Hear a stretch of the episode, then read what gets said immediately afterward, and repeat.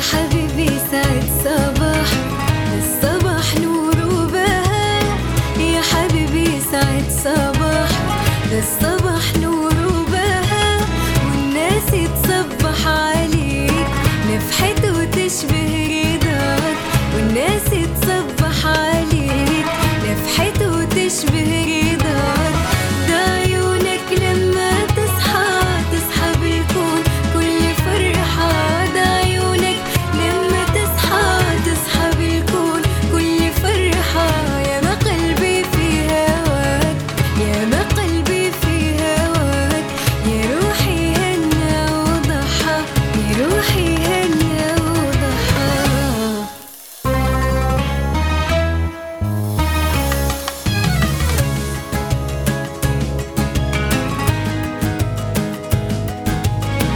السلام عليكم ورحمة الله وبركاته. وأسعد الله صباحكم بكل خير. مستمعينا الكرام مستمعي إذاعة هنا عدن عبر تردد 92.9 والمشاهدين كذلك عبر قناة عدن المستقلة. في الصباح تغادرنا المشاعر الجميلة نحو القلوب التي تستحق تلك النفحات.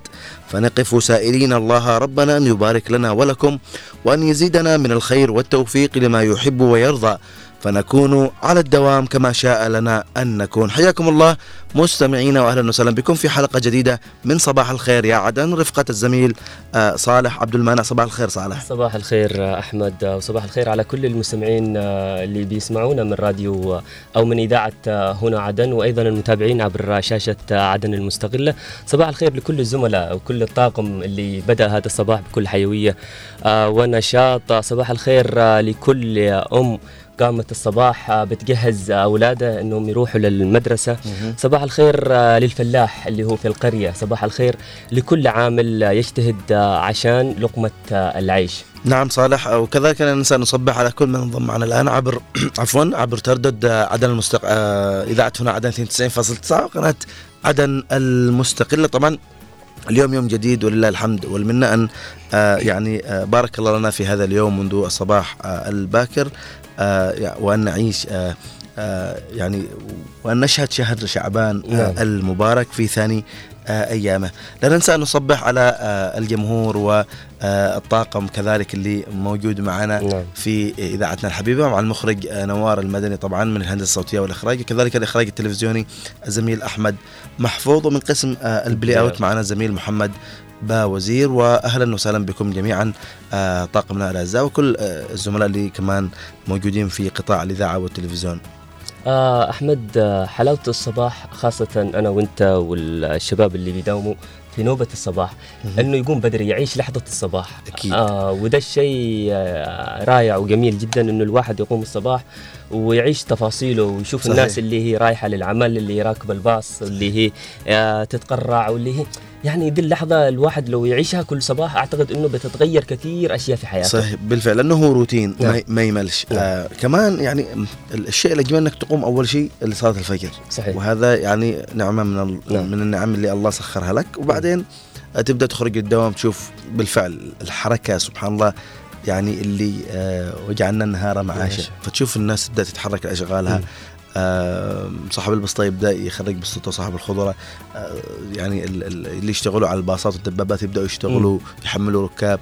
يعني تشوف صراحة آه منظر آه بالفعل يعني سبحان الله روتيني يمكن ما تملوش العين. أكيد هذا بالنسبة للمدينة وصخبها لكن أعتقد إنه المدينة في صباحاتها تكون كمان جميلة. أكيد. لكن أحمد أنا بسألك كذا سؤال لأني لما أنا واجي لقداكم لل- للباص. علشان موضوع كذا تأملت إنه كيف الناس تعيش الصباح في في القرى. أعتقد إني أنا من الناس اللي قربت صباحات القرى أيوة. وال- وال- والأرياف. أنت أحمد شيء قربت صباحات ال- ال- الأرياف والقرى آه يعني, يعني رحت رحله كذا معينة أكيد- أكيد من خلال- عند الأهل أكيد من خلال آه. من خلال زيارتنا لبعض آه، المحافظات آه، سبحان الله يعني الجو مختلف. والروتين مختلف يمكن آه، الشيء اللي ما بقولش ازعجنا. لكن آه، خلاص حاولت ان في فترة أتأقلم عليه من. خلال بعض الزيارات. لبعض المناطق إنه خلاص يقوموا الفجر مثلا وما عاد يناموا. أو البعض مثلا ما يقوم الفجر يقوم بعد الفجر أو قبل الإشراق بس بحيث إنه يلحق صلاة الفجر. وخلاص. يبدأ عندهم آه، يفطروا أو يتصبحوا زي ما يقولوا مم. ويتجهوا لأعمالهم. وعلى هذا الروتين خلاص بعد العشاء تبدأ ال- البيت بهدوء ونوم ويرجعوا هكذا على هذا الروتين. وهكذا. فعلا أحمد بالنسبة لصباحات ال- الأرياف لأنه في معنا كمان مستمعين من من, الأرياف وال- والمناطق ال- ال- القرويه الموجودة حوالي آه، المحافظة عدن. إنه الصباح خاصة لما بتسمع أصوات العصافير وزغزغة العصافير بتسمعها وبتحسها يعني صحيح. بت بت- بتسمعها كذا مباشر بتستمتع فيها بأجواء جدا رائعة. وكمان حفيف ال- الأشجار آه، وتشوف كمان الفلاح و آه، الحيوانات وهي من الصباح كذا بتقوم يعني آه، جو. بديع. جدا جدا لو الواحد في في يعني زي ما تقول إنه يحتاج إنه يرتاح نفسيا أحيانا لو صحيح. عندك أهل لو عندك ناس آه، أقارب لك أو أصدقاء روح صح. جرب إنك تقوم بالفعل. الصباح في في قرية وريف وبعدين تعال يا صالح وقول لي إيش اللي حسيت بالفعل بالفعل أنا. جربت قلت لك في أكثر من منطقة آه، يعني آه، أجمل ما يميز الريف يمكن آه، الهواء النقي مم. اللي ما دخلت فيه ال- التلوثات التلوثات البيئية مثلا صحيح. السيارات الدخاخين صحيح يعني ربما ترى في بعض المناطق عشان ما يعني نكون منصفين. يمكن إحراق القمائم أو شيء هذا شيء وارد يعني مم. لكن الهواء نقي الماء سبحان الله الماء يعني لأنه يخرج من آبار مباشرة آه يعني وال اسمه مم. ورائحة ال يعني ال الطين مع ال الأشجار مع الكذا تعطيك حاجة مميزة. بما إن ذكرنا أشياء كذا حلوة من الصباح وإيجابية أحمد في موقف إيجابي كذا حصل لك أو شفته أنت أو حصل لناس ممكن تعرفهم كذا؟ والله شوف يعني بالنسبة للمواقف الإيجابية كثيرة جدا. مم. آه يعني ربما حياتنا مليئة بالمواقف الإيجابية. أكيد. ونحرص عليها. احمد خصوصا إنه نح- الآن يعني ال- الوضع اللي نعيشه الوضع الاقتصادي الخدمي المعيشي ويحتاج إلى تكافل اجتماعي. فكثير من المواقف اللي آه، شاهدتها ولمستها مسألة التكافل الاجتماعي يعني يعني آم، كفالة يتيم يعني دعم أسر فقيرة. يعني هذا طبعا فعل خير بس برضو مواقف إيجابية يمكن تشاهدها أنت قدامك. يعني آه، يعني عندما ترى شخص كبير في السن آه، قد ابتلى الله بمرض ويحتاج مثلا مساعدة في. آه، رشة الدواء وقيمة الدواء تشوف واحد مثلا قدام عينك إنه يقول له هات الورقة يروح يشتري له الدواء. هذه من المواقف الإيجابية اللي يمكن نحن نحتاجها اليوم وتعزيز التكافل الاجتماعي. نعم أحمد بالضبط. بالنسبة على ذكر المواقف ال- الإيجابية آه، أنا دائما ركز على المواقف الإيجابية لأن. صراحة أستمد منها طاقة حلوة يا سلام. آه، صحيح. وأتمنى إيجابية. كل مستمع إنه يسمعنا أو يشاهدنا عبر ال- أيضا ال- القناة عدن المستقله انه لما تمشي في أي مكان كان آه، دائما شاهد على الأشياء الحلوة لأن صحيح. الأشياء الحلوة هي بتعزز لك طاقة إيجابية وكمان بت بتساعدك على صحة نفسية مهم. آه، حلوة وإيجابية وبتعيش يومك كذا بروقان. صحيح. فمن ضمن عفوا أحمد من ضمن الأشياء اللي أنا يعني عشتها كنا أنا وصديق رايحين كذا في- إلى السوق. مم. فكان يكلمني إنه جاته حوالة قلنا خلاص فرصة اليوم بنتعشى وكذا. فقال لي كمان ارسل حوالة على موضوع التكافل الاجتماعي اللي أنت ذكرته أحمد. قلت له حلو تمام قال لي لا بس يرسل ضروري حوالي للوالد الوالد له شهرين ما استلمش الراتب الله برغم إنه ال- الولد ده يعني اللي يجيه الحواله شغل بسيط جدا أيوة. يعني عن بعد تعرف مم. الآن اليوم. الأعمال نعم. كلها أغلبها عن عبر بعد الإنترنت وكذا أيوة. كمان. فقال برسل الوالد لأنه له شهرين ما استلمش آه طبعا الوالد آه والده تربوي. آه فله شهرين ما استلمش قال ضروري بحاول إني انقذه بأي حاجة. يا سلام. فهذا الموقف عجبني برغم إنه الولد يعني آه، الحاجة البسيطة اللي جاته إلا إنه شاركها بالنهايه وحاول إنه قدر الإمكان آه، صحيح. بالنهايه بالنهاية أبو صالح عموما آه، المواقف الإيجابية كثيرة. كثيرة فعلا. ونحن مرة أخرى نرحب بكل من انضم معنا الآن وبتكون معنا فقرات متعددة كالمعتاد صحيح. الطقس وأحداث في مثل هذا اليوم وحلول الأخبار وبريد اليوم إن شاء الله والفقرة الرياضية. لكن بعد هدية الصباح من اختيار مخرجنا نوار المدني.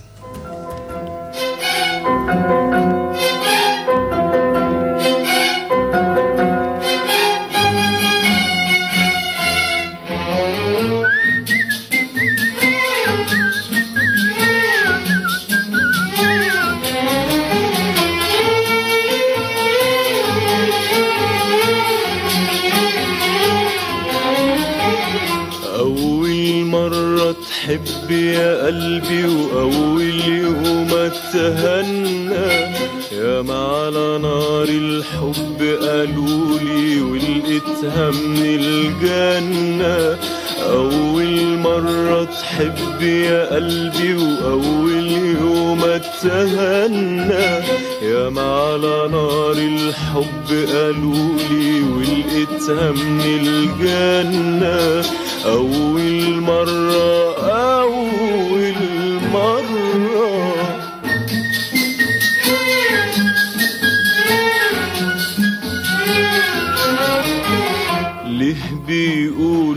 الحب قاسية ليه بيقولوا شجن ودموع.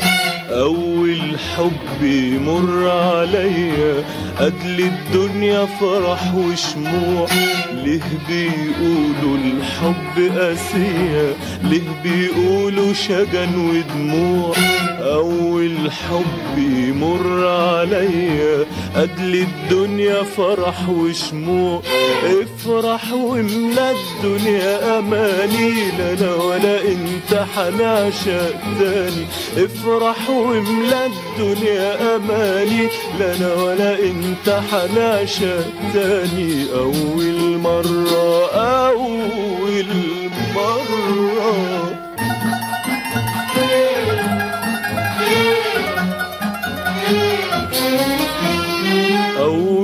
فرحة تمر بقلبي وأنا هايم في الدنيا غريب. ولا أحكي ولا أخبي ولا أوصفها لكل حبيب. أول فرحة تمر بقلبي وأنا هايم في الدنيا غريب. ولا أحكي ولا أخبي ولا أوصفها لكل حبيب. افرح واملا الدنيا أماني لا أنا ولا انت حنعشق تاني افرح واملا الدنيا أماني لا أنا ولا انت حنعشق تاني أول مرة أول مرة.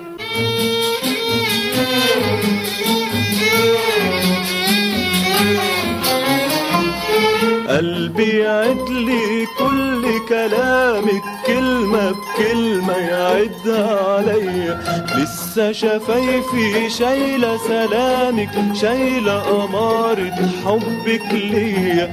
افرح واملأ الدنيا أماني لا أنا ولا أنت حنعشق تاني افرح واملأ الدنيا أماني لا أنا ولا أنت حنعشق تاني أول مرة أول مرة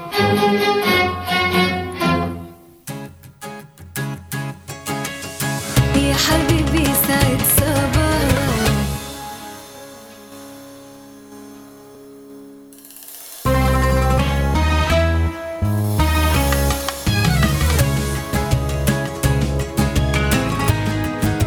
عدنا مكملين معكم مستمعينا الكرام. وافرح واملا الدنيا أماني زي ما قال عبد الحليم حافظ. وصباحكم فرح آه، أحمد وكل ال- المستمعين. أعتقد إن الآن بنبدأ نعم بنبدأ اولى آه، الفقرات فعلاً. فعلا. برنامجنا في الساعة الأولى وبنبدأ مع فقرة الطقس اللي بتكون معك آه، صالح. نعم.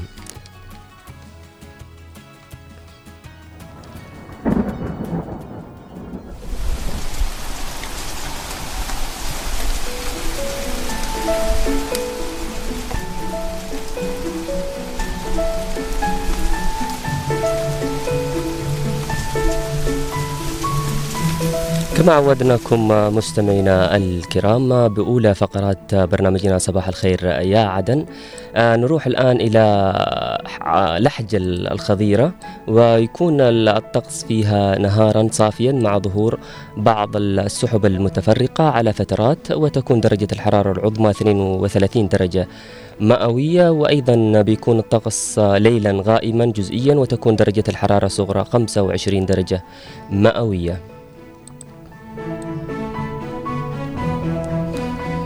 وك وكمان في أبين سيكون الطقس نهارا صافيا مع ظهور بعض السحب المتفرقة على فترات وتكون درجة الحرارة العظمى 29 درجة مئوية وبيكون الطقس ليلا صافيا مع ظهور بعض السحب المتفرقة على فترات وتكون درجة الحرارة الصغرى 25 درجة مئوية.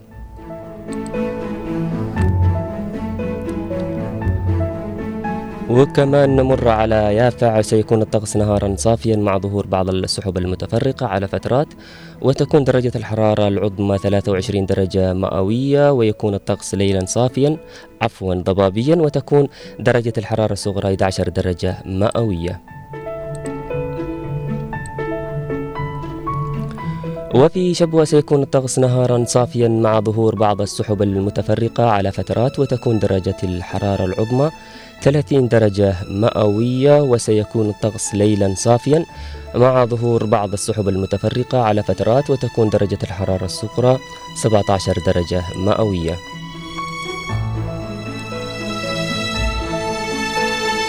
وفي حضرموت سيكون الطقس نهارا صافيا مع ظهور بعض السحب المتفرقة على فترات وتكون درجة الحرارة العظمى 28 درجة مئوية وسيكون الطقس ليلا صافيا مع ظهور بعض السحب المتفرقة على فترات وتكون درجة الحرارة الصغرى 20 درجة مئوية.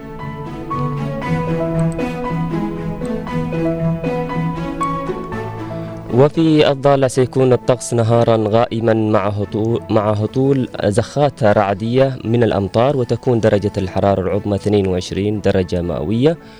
وبيكون الطقس ليلا صافيا مع ظهور بعض السحب المتفرقة على فترات وتكون درجة الحرارة الصغرى 15 درجة مئوية.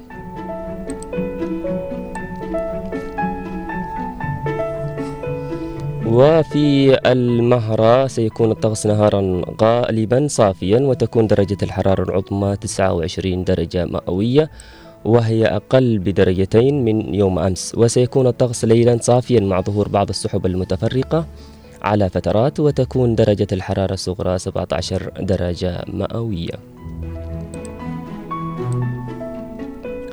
إلى جزيرة الإبداع والخيال سقطرى سيكون الطقس نهارا صافيا مع ظهور بعض السحب المتفرقة على فترات وتكون درجة الحرارة العظمى 27 درجة مئوية وسيكون الطقس ليلا صافيا مع ظهور بعض السحب المتفرقة على فترات وتكون درجة الحرارة الصغرى 20 درجة مئوية. وفي العاصمة عدن سيكون الطقس نهارا صافيا مع ظهور بعض السحب المتفرقة على فترات وتكون درجة الحرارة العظمى 27 درجة مئوية وسيكون الطقس ليلا صافيا مع ظهور بعض السحب المتفرقة على فترات وتكون درجة الحرارة الصغرى 26 درجة مئوية. يا أحمد وصلنا إلى العاصمة عدن. تجولنا من خلالها.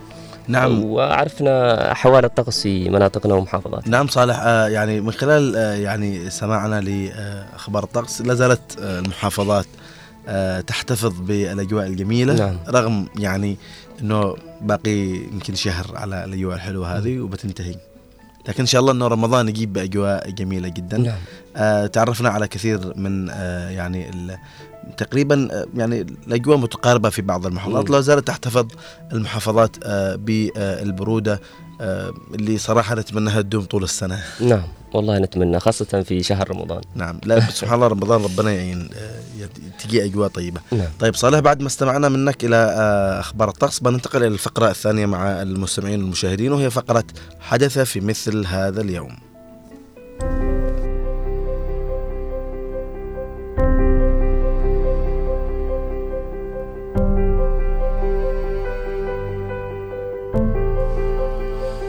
حياكم الله مستمعينا الكرام من جديد وفي فقرة حدث في مثل هذا اليوم الثاني عشر من شهر فبراير حيث حدث في مثل هذا اليوم من عام 1502 الأسبان يبدأون بحملة لتنصير كل المسلمين في غرناطة بعد انهيار الدولة الإسلامية في الأندلس.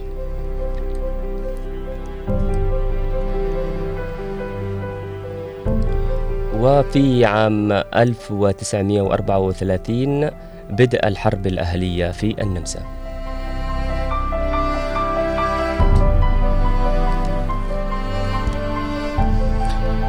نعم وفي مثل هذا اليوم من عام 1941 القوات الألمانية تصل شمال أفريقيا في الحرب العالمية الثانية.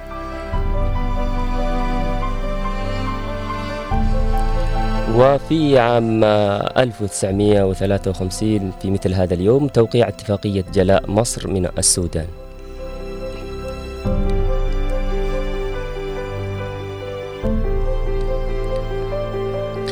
نعم أيضا في مثل هذا اليوم من عام 1963 الأرجنتين تطلب من إسبانيا تسليمها رئيسها الأسبق خوان بيرون لمحاكمته بتهم الفساد والقتل والتعذيب.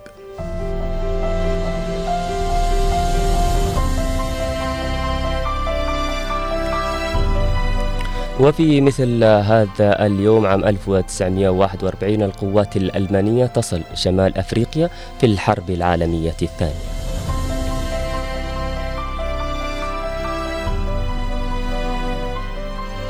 أيضا في مثل هذا اليوم من عام 2007 الحكم على طه ياسين رمضان نائب الرئيس العراقي الأسبق صدام حسين بالإعدام وذلك بعد اتهامه بالقتل العمد.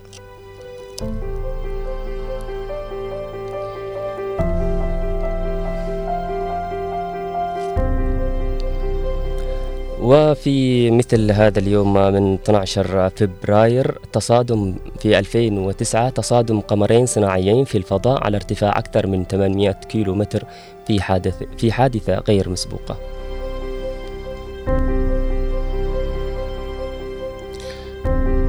حدث في مثل هذا اليوم من عام طبعا 12 فبراير من عام 2019 جمهورية مقدونيا تعلن عن تغيير اسمها رسميا ليصبح جمهورية مقدونيا الشمالية بعد نزاع دام سنوات طويلة بينها وبين اليونان منذ تفكك يوغوسلافيا حول أحقية أي من الدولتين في اعتماد تسمية مقدونيا. وحدث في مثل هذا اليوم 12 فبراير في المواليد أحمد عام 1768 الإمبراطور فرانسيس الثاني إمبراطور الإمبراطورية الرومانية المقدسة.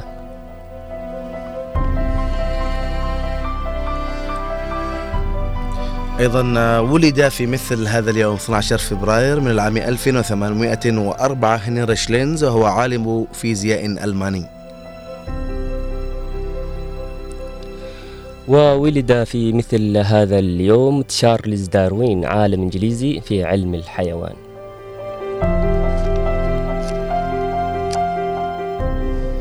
أيضا ولد في مثل هذا اليوم من عام 1809 آه طبعا آه في نفس العام اللي أو نفس اليوم اللي ولد فيه تشارلز داروين آه إبراهام لينكولن وهو رئيس الولايات المتحدة السادس عشر.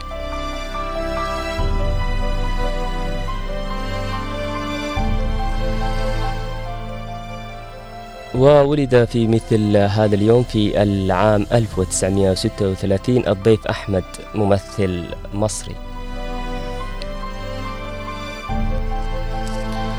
أيضا في مثل هذا اليوم ولد آه، من عام 1926 آه، الممثل المصري عمر الحريري آه، المعروف يعني بالمسرحيات الكوميدية أيضا والذي كان بالشراكة مع عادل إمام في كثير من المسرحيات.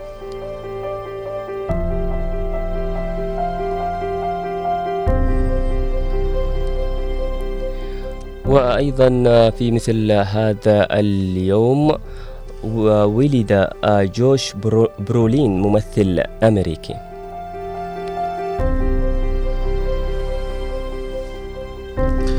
أيضا في مثل هذا اليوم من عام 1992 ولد أرنوكو أو أرنو سوكيه وهو لاعب كرة قدم فرنسي. بالنسبة في حدث في مثل هذا اليوم بالوفيات عام 1804 توفي إيمانويل كانت فيلسوف ألماني.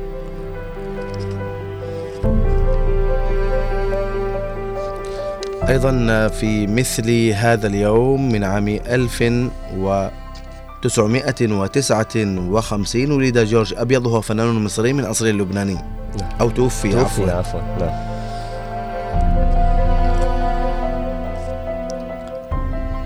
وفي مثل هذا اليوم توفي في عام 2011 صالح الراجحي رجل أعمال سعودي. أيضا في مثل هذا اليوم من عام 2013 توفي أمير سطام بن عبد العزيز آل سعود وهو أمير منطقة الرياض.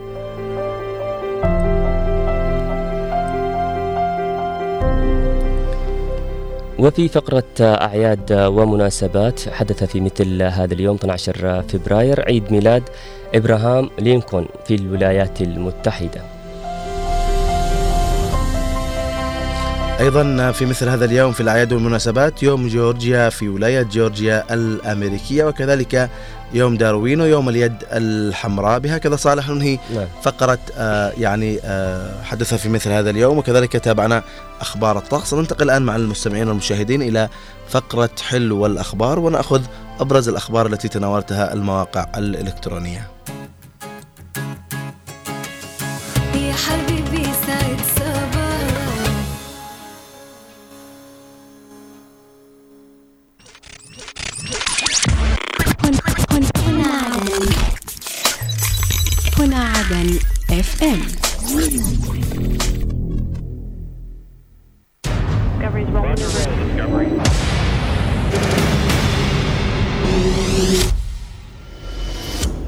ما تتناوله الصحافة والمواقع الإخبارية المحلية والعربية من أخبار ومقالات سياسية واجتماعية وثقافية ورياضية.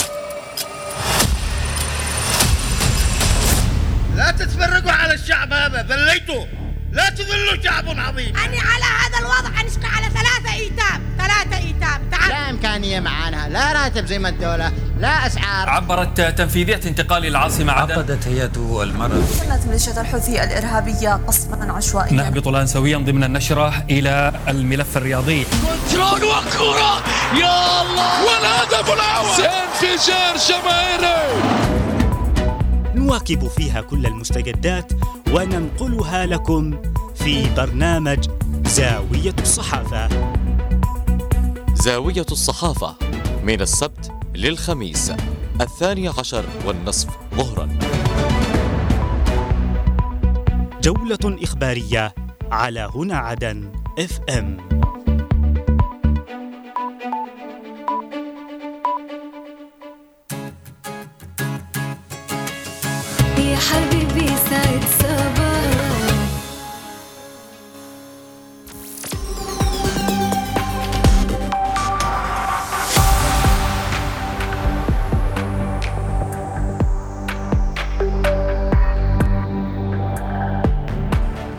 أهلا بكم مستمعينا الكرام إلى فقرة حلو الأخبار من المواقع الإلكترونية لهذا اليوم ونبدأها بالمجلس الانتقالي الجنوبي وفي أخبار الموقع الرسمي للمجلس.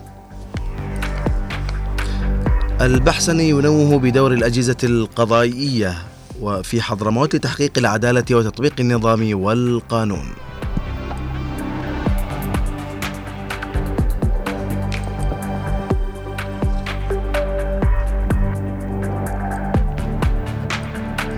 وننتقل إلى 4 مايو وفيه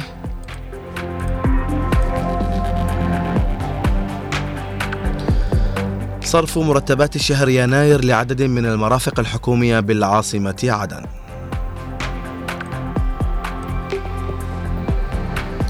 الانتهاء من صيانة منشأة الغاز التابعة لكهرباء عدن منسقية الانتقال في جامعة عدن تعقد اجتماعا استثنائيا بمنسقيات المجلس بكليات الجامعة. اجتماع عمادة كلية الإعلام جامعة عدن يناقش التحضيرات لفعالية أسبوع الطالب الجامعي. وتكريم عامل نظافة في مطار عدن الدولي أعاد مبلغا ضائعا لصاحبه.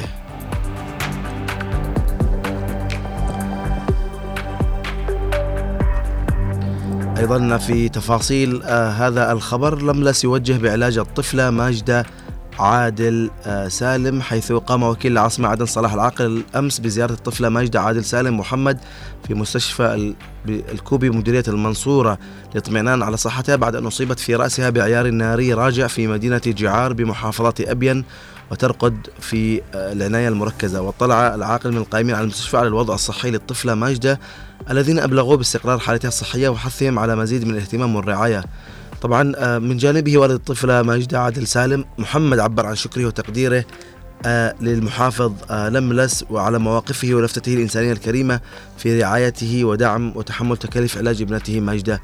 طبعا الوكيل العاقل نقل تحيات وزير الدولة محافظ العاصمة عدن أحمد حامد لملس لوالد الطفلة ومؤكدا أيضا بتحمل قيادة المحافظة لتكاليف علاج الطفلة. طبعا الطفلة تقريبا استمعنا إلى أنها فقدت إحدى عينيها. نسأل الله لها الشفاء العاجل. وحقيقة هي رسالة نوجهها أن آه، يعني آه، عدم إطلاق آه، الرصاص وهي أمانة ومسؤولية تقع على عاتقنا جميعا.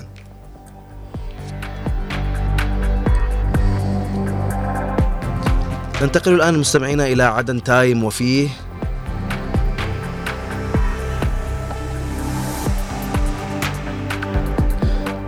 تعاون مشترك يهدف إلى استعادة دور مصفاة عدن تحت إطار المنطقة الحرة عدن.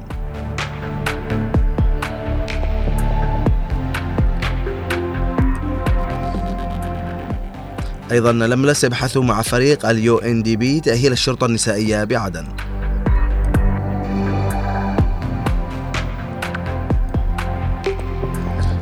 وفي عدن تايم أيضا تأهيل وصيانة أسواق الأسماك على طاولة المحافظ لملس.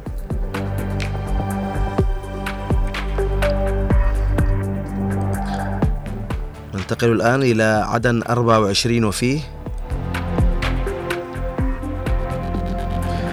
راشد وغانم يتفقدان سير العمل في رفع المخلفات والأتربة من البحيرة في خط الإصدار الآلي بخور مكسر.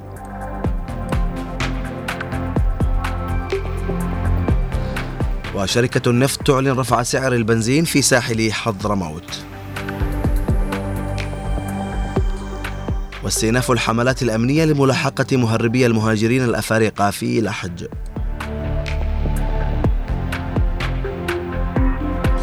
وتنفيذية انتقال صيرة تعقد اجتماعها الدوري لشهر فبراير.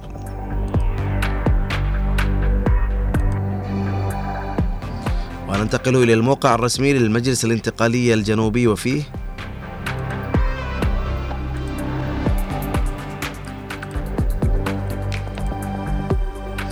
الرئيس الزبيدي يعزي رئيس دولة الإمارات وملك مملكة البحرين باستشهاد عدد من منتسبي قواتهم المسلحة في الصومال.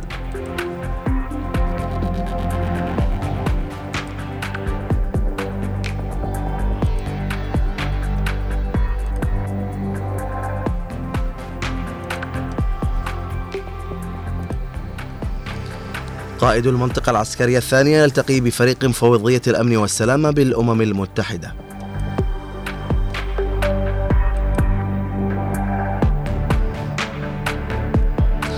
بهكذا مستمعينا الكرام ننهي معكم فقرة حلو والأخبار وكانت آه، يعني فيها أخبار آه، متعددة ومتنوعة وأكثر ما يعني حقيقة ما لفت نظري آه، الخبر الطفلة اللي أصيبت وفقدت إحدى عينيها نسأل الله لها الشفاء العاجل. صالح يعني دائما نحن نقول إنه إطلاق الرصاص والرصاص الراجع له يعني كثير من السلبيات على المواطن خصوصا يعني إنه اليو- واحد يكون نايم في أمان الله جازع فجأة تجيه الطلقة يعني بدون ما يدرى من فين. وهذه مشكلة وامامك الطفلة يعني يعني بجد والله شيء محزن. تعرف تعرف ليش يا أحمد؟ إنه خبر زي كذا أكيد بي- بيحزننا وبيحزن المستمعين والمتابعين.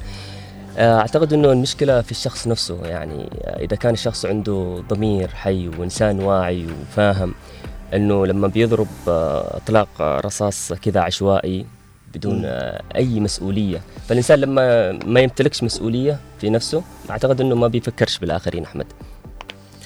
والله آه، يعني تحز في النفس وشيء محزن يعني والله. يعني إنه طفل الآن في مقتبل العمر يعني لسه يمكن ما كملت ست سنوات أو ثمان سنوات الله مش عارف صراحة مش متأكد من عمرها. لكن انك تشوفها تفقد عينها وهي لسه طفلة يعني إيش ذنبها؟ وإيش؟ يعني هذا اللي أطلق الرصاص يعني كيف بيلقى الله عز وجل يوم القيامة يعني. فعلا. وإن كان يمكن مش متعمد لكن يا أخي ليش يطلق رصاص يعني بالأصل؟ صح. يعني دحين زمان نعرفوا إنه السلاح فقط للجندي. وعده مش مش لأي جندي الجندي اللي هو في المعركة. يعني والله جد ال- اليوم اليوم من اجى حمل سلاح ومشى وخلاص يعني انتر زمانه. مشكلة. فعلا مشكلة أحمد. آه، تعرف آه، ليش أحمد ال- ال- الواحد يفكر في مشاعر الأب أو الأم أو الأهل اللي اللي بنتهم أو ابنهم أو أطفالهم؟ والله حتى مشاعر اللي يتابع يعني. اللي يتابع آه. فعلا إنه كيف الواحد لو أحد من أقاربك أو أحد من أبنائك تعرض لرصاص راجع كمان اللي ضرب نفسه اللي ضرب نفسه لو كان ده الشيء حصل له أعتقد إنه بيحس بقيمه ال- الشيء بيحس بقيمه الوجع وال- والفقد صحيح. وكمان إنه ضناه يصطاب أو يقتل. فلو جرب ده الشعور أعتقد إنه آه، بيبطل إنه أكيد ما حد يحس لحد صالح. عموما. آه نسأل الله لها الشفاء وربنا يعين أهلها والله يجزي كل من قام. والشكر والتقدير لمحافظ المحافظة وزير الدولة أحمد حامد لملس على كل الجهود. وان شاء الله آه يعني يكون هناك أيضا سعي من جهات أخرى لدعم آه الطفله وممكن تسفيرها إلى الخارج عموما آه بنروح الفاصل مع مخرجنا نوار المدني وبنعود ان شاء الله لباقي الفقرات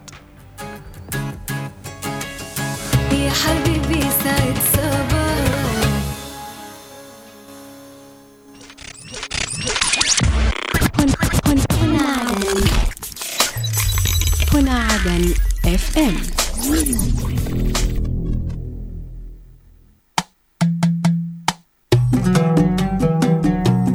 جولة عبر الأثير فسحة أثيرية في ساعة من الزمن.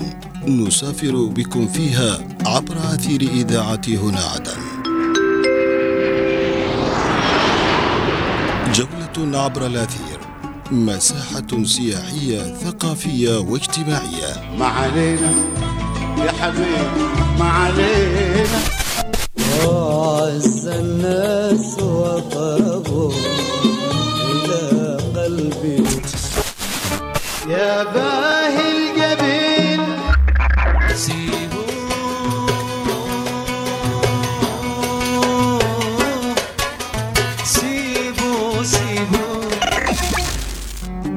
تتعرفون من خلالها على المدن والقرى في محافظاتنا الجنوبية من المهرة إلى باب المندب.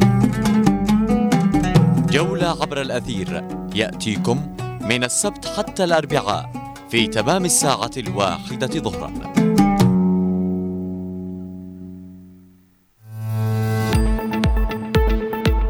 نتطلع لنيل ثقتكم. نضعكم في صورة الخبر وتفاصيله. انطلق أبطال القوات المسلحة الجنوبية تعيش مدينة زنجبار عاصمة محافظة أبيان. ومع تفاقم معاناة المياه في إحياء المدينة. هم جديد يضاف إلى قائمة الهموم التي تشغل بال المواطن. تقارير إخبارية وتحليلية. مركز الطوارئ التوليدية الشاملة. إلى الشعيب مرة أخرى. ستة شهداء رووا الأرض بدمائهم الزكية. مفارقين عائلتهم لجرح لا يندمل. نجسد المهنية الموضوعية والدقة هي السبق في تقارير الأخبار. تقارير الأخبار من السبت إلى الخميس. في تمام الساعة السادسة مساء.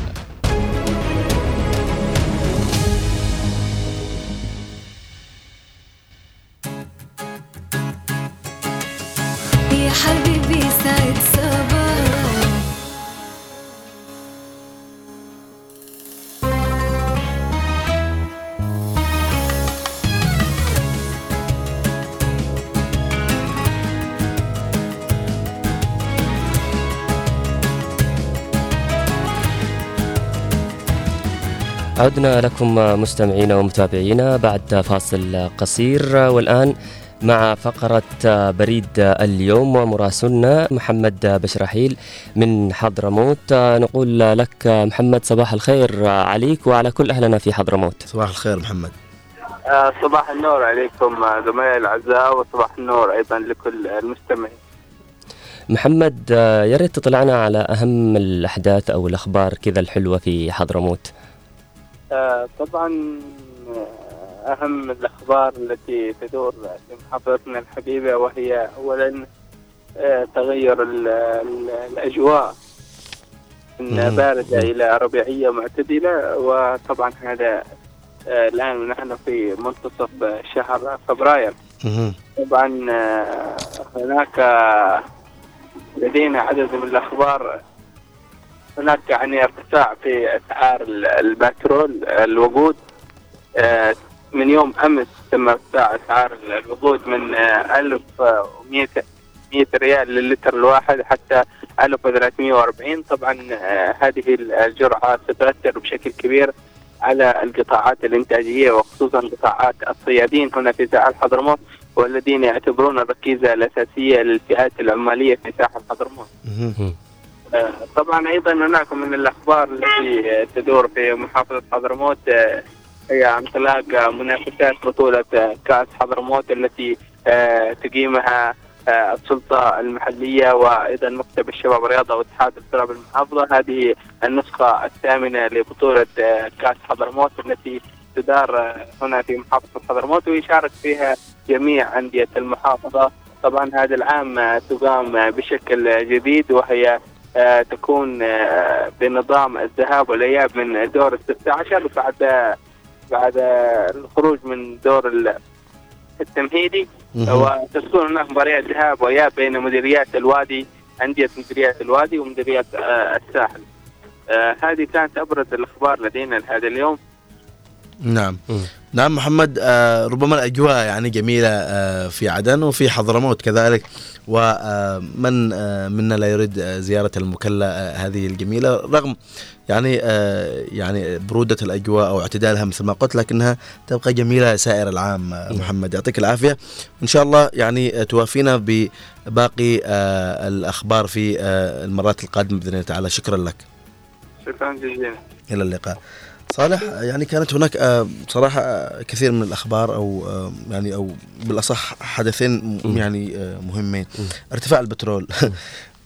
يعني الدائرة تدور في عدن في حضرموت يعني لازلنا في هذه الدوامة. نفس الدائرة. يعني تخيل من 1100 للتر. إلى 1340 شوف. يعني طيب آه، أكيد بيأثر قال هو بتأثر على العملية الإنتاجية في مم. يعني نحن زي ما يقول بالراحة. بالراحة. نعم. يعني بالله عليك الآن يعني آه، حتى حتى يعني مثلا آه، يعني الأسعار بتزيد وما شاء الله نحن اصحابنا من قصور أول ما في ارتفاع على طول. على طول يرفع. فعلا. يعني يعني حجة وعذر يعني. أيوه. لكن المشكلة يعني آه، ليش ليش يعني تنهكوك أهل المواطن؟ يعني آه، 1340 فجأة من 1100 إلى 1340 يعني تقريبا حتى في عدن ارتفاع قبل فترة 500 ريال أعتقد أو 700 ريال مش عارف والله إذا حد بيفيدنا بعدين إن شاء الله في هذا الموضوع. يعني 100 ورا 100 100 ورا 100 تتكون آلاف. أهلا فعلا. وأصحاب الأجرة والباصات والنقل أكيد بيرفعوا الموضوع. بيقول لك ارتفع البنزين شوف بقول لك حاجة أنا معك. هو مضطر يا أخي. هو مضطر. مضطر. يعني أنا والله أغلب أغلب أصحاب الباصات يستأجروا الدبابات أو الباصات فعلا. يستاجروا مش حقهم. ف يعني يضطر إنه يرفع. بالذات اللي معه بياخذ انجيز طبعا يمكن يعني بعض الانجيز يعني مرة ياخذوا مبالغ كبيرة فيضطر يا أخي لأنه الصدق يعني آه، يعني مش على حسابي كمان. صحيح. لك أنا مش على حساب أنا بالنهاية معي أسرة معي مصاريف معي كذا. فبرضه ما نلومهم يعني هم 100% فعلا. وفي نفس الوقت يا أحمد إنه الرقابة فين؟ الجهات العليا فين؟ شركات شركة النفط هي المسؤولة على هذا الموضوع. أعتقد أنك بتلاقي أنه بياناتهم وردودهم كلها نفس المكررة. إيدك الفلتارين أيوة بالضبط. مجرد أنه خبر ينزل أو بيان ينزل تقدموا فيها أعذار هو مطبوع جاهز ما فيش على طول. ما فيش أي حلول ما فيش أي رد أي مثلا يريح المواطن أو آه، يقنعه. صحيح ما فيش ما فيش. طبعا كمان في ال- ال- ال- في- اللي في ال- آه، يعني ال- آه، يعني في الخبر الثاني آه، قال انطلقت منافسات آه، مراسلنا طبعا قال منافسات كأس حضرموت آه، اللي جاءت برعاية السلطه ومكتب شباب الرياضه في آه، المحافظة ويعني آه، تقام هذا الدوري بين آه، أو كأس حضرموت بين مديرية الساحل والوا- والوادي. طبعا آه، كملنا فقرة بريد اليوم مع مراسلنا محمد بشار رحيل من المكلبة ننتقل الآن إلى الفقرة آه، المنتظرة وهي الفقرة الرياضية مع الكابتن خالد هيثم. صباح الخير كابتن. مدني أحمد محفوظ الاحبه في ونعدة يعطيك العافية. ننطلق إلى الفقرة الرياضية مع الكابتن خالد.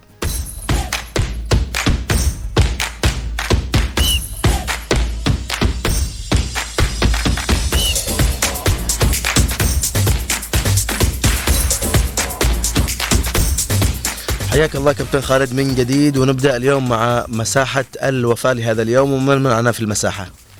نعم محمد أكيد آه، نجدد لك الصباح أنت وصالح ومن يستمع الفقرة الرياضية في صباح الخير يا عدن آه، الحديث في مساحة الوفا اليوم آه، في الذكرى السادسة لرحيل الأستاذ عبد الله مجاهد أكيد شخصية اجتماعية رياضية منحت ال- الحضور الممتد والمتعدد كثير من الأشياء الجميلة. أرتبط بمدينة الشيخ عثمان كشخصية كمرجعية أيضا في نادي ال- ال- الوحدة وحوار آه، أمتد لسنوات طويله أحمد آه، كان جميل الحضور آه، أعطى بالشيء الكثير لهذه الأرض. بالتالي هو بدأ من نادي الفيحاء الرياضي طبعا في العام 1968 ثم استمر كحوار رياضي ومجتمعي. وبالتالي اسم يتحدث عليه الجميع بأنه كان شخصية انسيابية.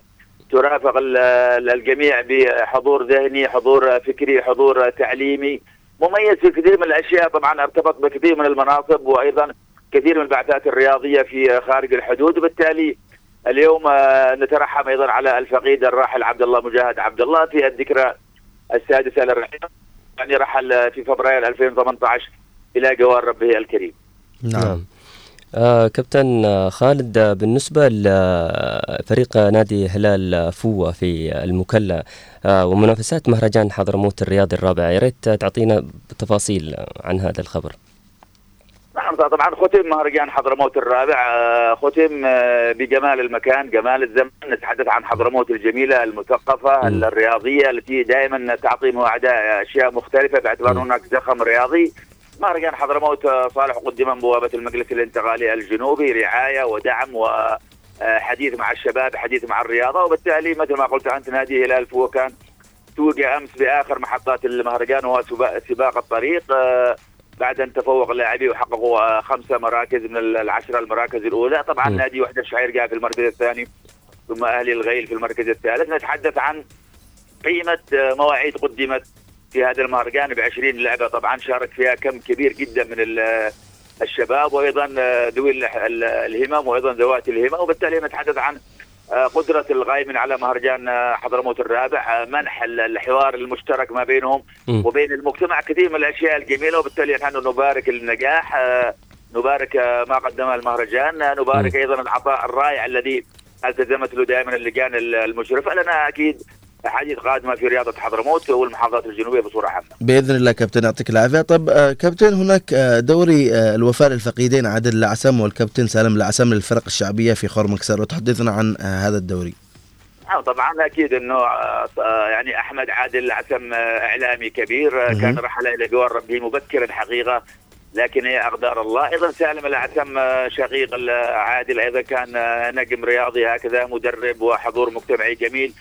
توفى الاجل أيضا قريب وبالتالي آه، أمس قدمت آه، بطولة للوفاء هكذا مشهدها الأول.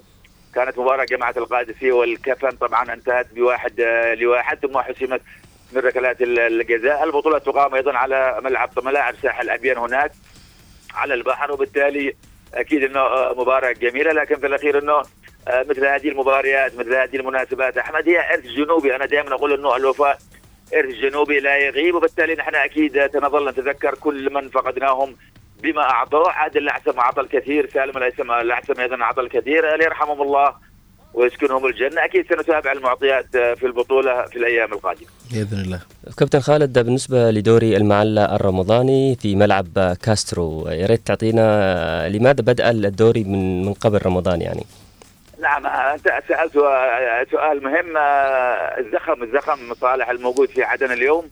الحوار الشعبي آه، أصبح آه، مفتوح على مصراعيه. آه، كرة القدم هنا حياة وبالتالي انطلقت أمس مباريات دوري المعلى الرمضاني باعتبار إنه سيأخذ وقت طويل باعتبار إنه آه، يمر من المجموعات. وبالتالي حتى يتم ملاحقة الوقت ومسابقة الوقت وضعت الأولويات من الآن إلى أن يصل شهر رمضان يكون قد قطع شوط وبالتالي نحيي القائمين على هذا ال- الدوري وأحيي حقيقة كريم منير الذي يقدم دعم مفتوح لهذا الدوري هناك 25 فريق ليس. من المعلة ولكن من كل مديريات المحافظة الجميلة عدن آه، ست مجموعات مم. يتأهل الأول والثاني إلى الدور الأدوار الحاسمة في رمضان أمس طبعا آه، فوز مستحق لفريق ال- الجيل آه، بأربع مم. أهداف آه، مقابل هدف أكيد إنه دوري جميل الشباب دائما هم المحتوى صالح هم آه، الشيء ال- ال- الذي يذهب إليه الجميع. وبالتالي نحن بإذن الله تعالى آه، نحاول أن نتابع كل الدوريات للفرق الشعبية في آه، كل مديرياتنا في كابتن. عدن وأيضا المحافظات الجنوبيه كابتن خالد هل يعتبر هذا الدوري يعني دوري المعلة هو أشهر دوري رمضاني في عدن؟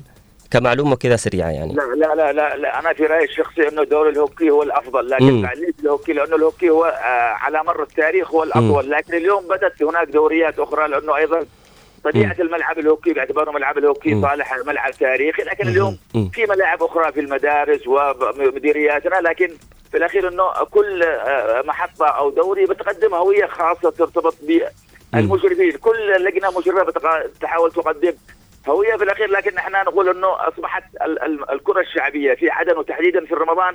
جمال ومواعيد لا يمكن أن توصف آه، ببعض الكلمات.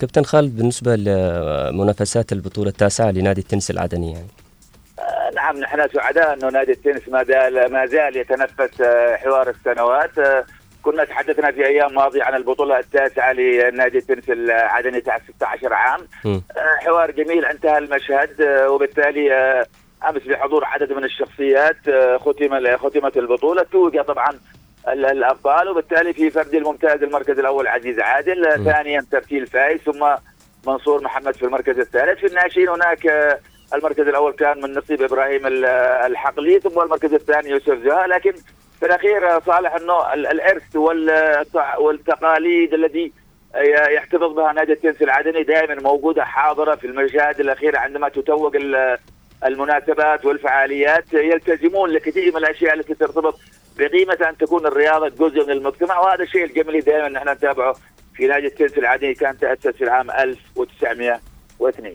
آه، بالنسبة للدوريات آه، الأوروبية آه، إشبيليا آه، واصل يعني وتنفس الصعداء في الليغا بانتصار جديد نعم لماذا تنفس الصعداء صالح؟ لأنه اشبيليا يعاني في الموسم هذا والموسم اللي مضى. بالكاد يعني آه، اشبيليا نادي كبير حقق بطولات أوروبية لكنه يعاني في الحوار المحلي. وبالتالي أمس عندما يفوز على أتلتيكو مدريد بهدف آه، سجل طبعا آه، من خلال اللاعب إيساك روميرو. أعتقد أنه. الأمر جيد فعلا.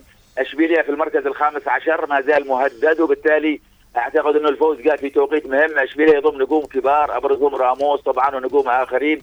نجمنا العربي أيضا نصيري وبالتالي يتحسن هكذا وضعية آه، اشبيليا باعتبار إنه فاز أمس آه، رفع الرصيد إلى 23 آه، نقطة. أكيد حوار الليغا جميل. كان أيضا في الليغا الاسبانيه أمس للأسف أيضا برشلونة وقع في فخ التعادل في أرضه وملعبه أمام قرناطه بثلاثة اهداف لثلاثة وبالتالي برشلونة 51 نقطة في المركز الثالث. لكن برشلونة يعاني مع النتائج. ننتظر ردة فعل أجمل لفريق كبير بقيمة برشلونة. فعلا برشلونة هذا الموسم متذبذب يعني آه، يوم يفوز ويوم يخسر ويوم يتعادل يعني ما فيش استقرار آه، كابتن خالد كمان آه، في الدوري الإنجليزي أمس مباريات مثيرة جدا مانشستر يونايتد مع استون فيلا أرسنال مع وستهام يا ريت نبدأ آه، في مباراة أرسنال يعني ووستهام الدوري الإنجليزي حديث آه، عندما تكون كرة القدم آه، جميلة اذهب إلى الدوري الإنجليزي صحيح. أرسنال كان خسر من وستهام في مناسبتين طبعا مم. على التوالي في الفترات الماضية في. الدوري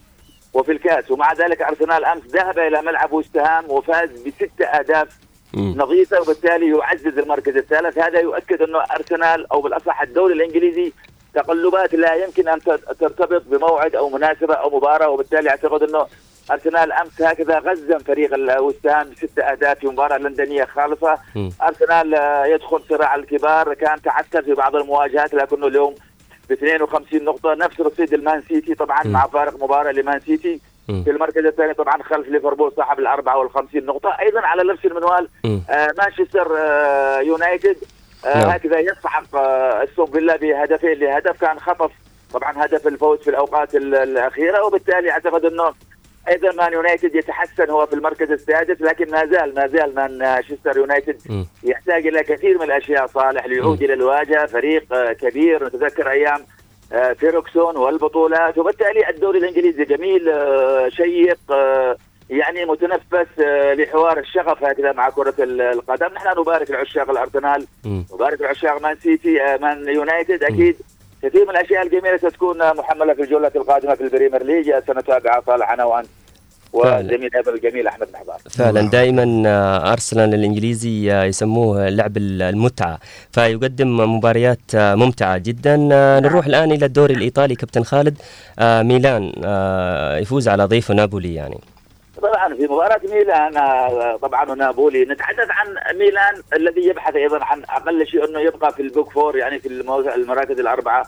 لأنه موضوع منافسة ميلان للدوري أصبحت أعتقد أنه بعيدة كل البعد الا الصراع سيكون ما بين الإنتر ميلان واليوفنتوس. أم طبعا ميلان فاز على ضيفه نابولي بهدف آه، على ملعب سان سيرو في الجولة 24 آه، طبعا آه، تيو هرنانديز كان سجل الهدف في الدقيقه 25 لكن نتحدث أيضا عن عن نابولي نابولي لا يمكن لاي منطق إنه يكون نابولي الذي توج بالبطولة في الموسم الماضي لديه فقط 35 نقطة بمعنى بفارق 25 نقطة عن المتصدر مم. هناك خلل في نابولي هناك آه، طبعا مغادرة آه، سباليتي كمدرب آه، جاءوا بمدرب ثم بمدرب آخر في حوار هناك من. نقول من حالة الفراغ الفراغ ما بين آه، آه، نابولي في الشق التكتيكي واللاعبين لكن كرة القدم عطاء يلتزم بقدرة الاستمرارية. نحن. اليوم في الجولة 24 نعم. نابولي بعيد كل البعد طبعا آه، في المركز السابع. حتى يبدو أنه لن يكون اوروبيا حاضر وبالتالي ميلان أيضا يرفع الرصيد إلى 52 نقطة في المركز الثالث. آه، كرة القدم في أوروبا صالح وأحمد جميله نحن أيضا. بإذن الله تعالى بجمال المواعيد من خلال اثيرون عدن سنتابع المعطيات. أكيد في الفترات القادمة. نعم كابتن يعطيك الصحة والعافية. شكرا لك على آه، كل هذه الحصيلة لا، الرياضية باقي باقي باقي يا أحمد. نعم. أحم- آه، أحمد في باغيات كثير. آه، خاصة آه، خبر سيء أمس آه، أحمد وكابتن خالد آه، والمستمعين إنه آه، جماهير ريال مدريد آه، يعني آه، بتفقد آه، لاعبها جود آه، بلينغهام. كابتن خالد. دائما دائما صالح الإصابات لأي محب لكرة القدم مثل ما قلت فعلا أخبار مزعجة بالنسبة لنا لأنه بيلينغهام شاب صغير في العشرينات يقدم مستوى كبير آه،. طبعا في الدوري ال- الإسباني يتصدر الهدافين ب 16 آه، هدف آه، وبالتالي أعتقد إنه بيلينغهام شفنا لاعب تعرض فيها لإصابة. كانت سوء اصابات وأكيد معروفة وبالتالي سنفتقد آه، بيلينغهام ريال مدريد سيفتقد بيلينغهام لديه مهمات في بطولة أوروبا وأيضا في الحفاظ على صدارة الليغا الإسبانية لكن كرة القدم هكذا مثل ما قلت إنه الشيء الاسوء إنه تم الاعلان عن غياب لعدد من الاسابيع لعدة أسابيع وأعتقد إنه إذا قد تصل إلى الشهر لأنه أصيب الايسر لكن هكذا كرة القدم والإصابة دائما سمه الملاعب. نحن نتمنى لبيلينغهام وكل نجوم كرة القدم العالمية والعربية كل شيء جميل. آخر ما عندي بس عشان أحمد اليوم مستعد. الدوري الإنجليزي اليوم لدينا مباراة ختام الجولة في الحادي عشر بتوقيت عدن كريستال بالاس يستضيف تشيلسي. مباراه. لندنيه خالصه في الدوري الايطالي أيضا ليوفنتوس أيضا في نفس التوقيت أيضا في الحادي عشر يستضيف أودينيزي للبحث عن ثلاث نقاط ومواصلة آه، ملاحقة آه، إنتر ميلان المتصدر آه،. كنت سعيد دائما معكم يوم جميل صالح وأحمد الله يسعدك يا المجيد. كابتن. يا كابتن خالد تفضل. آه حمد أعتقد إنه ما يعرفش إنه يوم الأحد ولا يوم السبت يوم الأحد هذه آه مباريات مزحومة جدا يعني. فحتى نعم، الكابتن خالد آه ما, ما- يقدرش إنه يفوت أي خبر. يا أخي الكابتن خالد ما حد يمل منه والله. بس آه، يعني إيش اللي مش اللي مش حقه مش حقه يا كابتن. أنا أنا اعلن الاستسلام اثنين على واحد أنا اعلن الاستسلام الله المستعان لا لا أنا معك يا كابتن خالد لأني رياضي. معكم جميل آه، طالع أنت إضافة جميلة للفقرة الرياضية. الله يحفظك. بالتوفيق وشكرا لكل من استمع للفقرة الرياضية في صباح الخير. يا نهارك يعطيك سعيد يا كابتن خالد. الله يعطيك العافية. يعني دائما الكابتن خالد ما شاء الله يعني آه، هو المرجعية حقنا الرياضية. لا أحمد لازم أنت كمان آه، في موضوع يوم السبت ويوم الأحد. هذه مباريات مزحومة جدا. يعني تص- تصدق كل الدوريات الأوروبية يلعبوا يوم الأحد. تمام؟ وتخيل الدوري الإنجليزي الدوري الإيطالي الدوري الألماني. ومن أفضل وكل المباريات تكون إجازات- جدا إجازات. أيوه عندهم إجازات إيه، ست واحد. فيستغلوا ال- ال-. الأيام هذه بلعب كرة ال- القدم ومشاهدتها بس ومتابعتها بس برضو اللي مش حقه مش حقه آه نحن دو- دوري عدن ممتاز آه، يوم ال- يوم الج- يوم الخميس يوم نتابع أنا عن نفسي مم. صراحة أنا عن نفسي مش رياضي بحت 100% لكن أحب أتابع الأخبار المحلية الرياضية فأنا صراحة. أنا متفاعل جدا مع الكابتن خالد يا ريت جميل. عادوا الآن يسمعنا متفاعل جدا معه في هذه ال- الفقرة خاصة يوم السبت يوم الأحد نحن نعرض التفاصيل يوم الأحد ويوم. ويوم الاثنين. الله يوفقكم. جميل، ويوفق. أيضا. نوار. لا لا أكيد. بس آه، بالنهاية نحن آه، يعني آه، لازم نكون ملمين بكل شيء. يعطيك. العافية كابتن خالد وصالح زميلي يعطيك العافية. آه، تقريبا كانت هذه أبرز آه، يعني حصاد الأخبار الساعة الأولى أحمد. في الساعة الأولى صحيح. ويعني آخر فقرة طبعا في الساعة الأولى. مم. بنروح لفاصل قصير إن شاء الله. وبنعود ل آه، حلقة موضوع. الحلقة اللي بنتكلم اليوم عن أضرار المشروبات الغازية كثير من الناس يعني يستهين وكثير من الناس برضو مدمن يعني نحن بحاجة اليوم إلى حاجة اسمها وسطية مم. لا إفراط ولا تفريط يعني نعم. مش الوسطية بس بعضهم تعتقد ان الوسطية في أمور ثانية كمان لا صح. حتى في صحتك تحتاج إلى نعم. توازن وسطية إنه الأشياء اللي بتضرك بتضر صحتك حاول قدر المستطاع إنك تتجنبها أضرار المشروبات الغازية موضوع حلقتنا لهذا اليوم طبعا وإن شاء الله آه بتواصلونا عبر الواتساب عبر رقم الهاتف آه أول آه عبر الاتصال 20 نعم. 11 15 20 17 17 ورقم الواتساب 715 92 99 9 انتظرونا بعد هذا الفاصل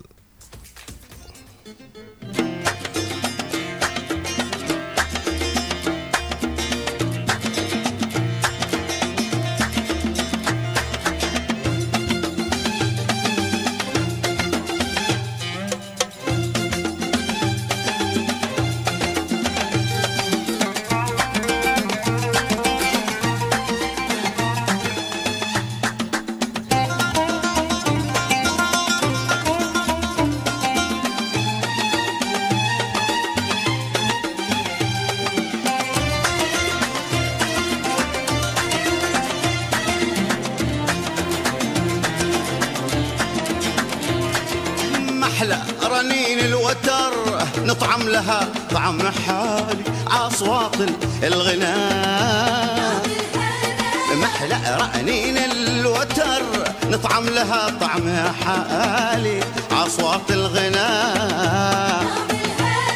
طبنا وطاب السمر حول السويح القبالي واسعات الفنا الفنا. طبنا وطاب السمر حول السويح القبالي واسعات الفناء يا قلبي ليه بالكدر خليك مرتاح سالي تاليتا فناء آه يا قلبي ليه بالكدر خليك مرتاح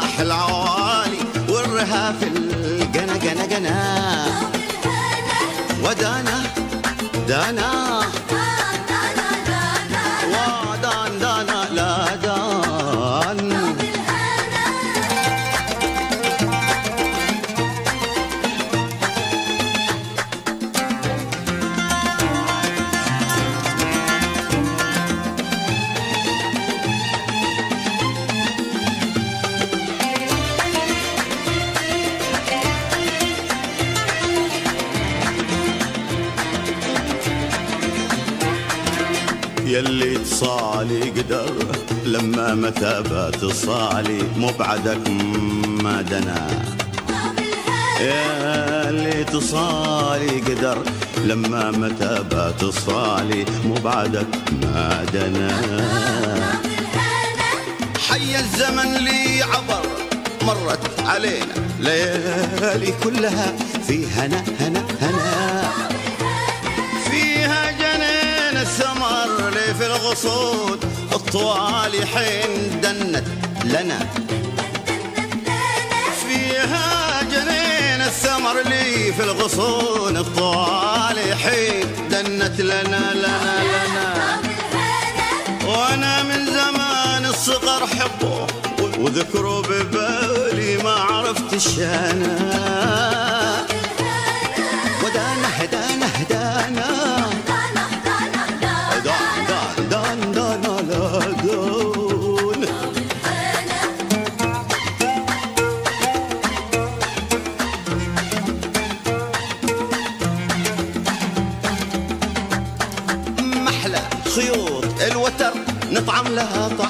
حالي عصوات الغنى.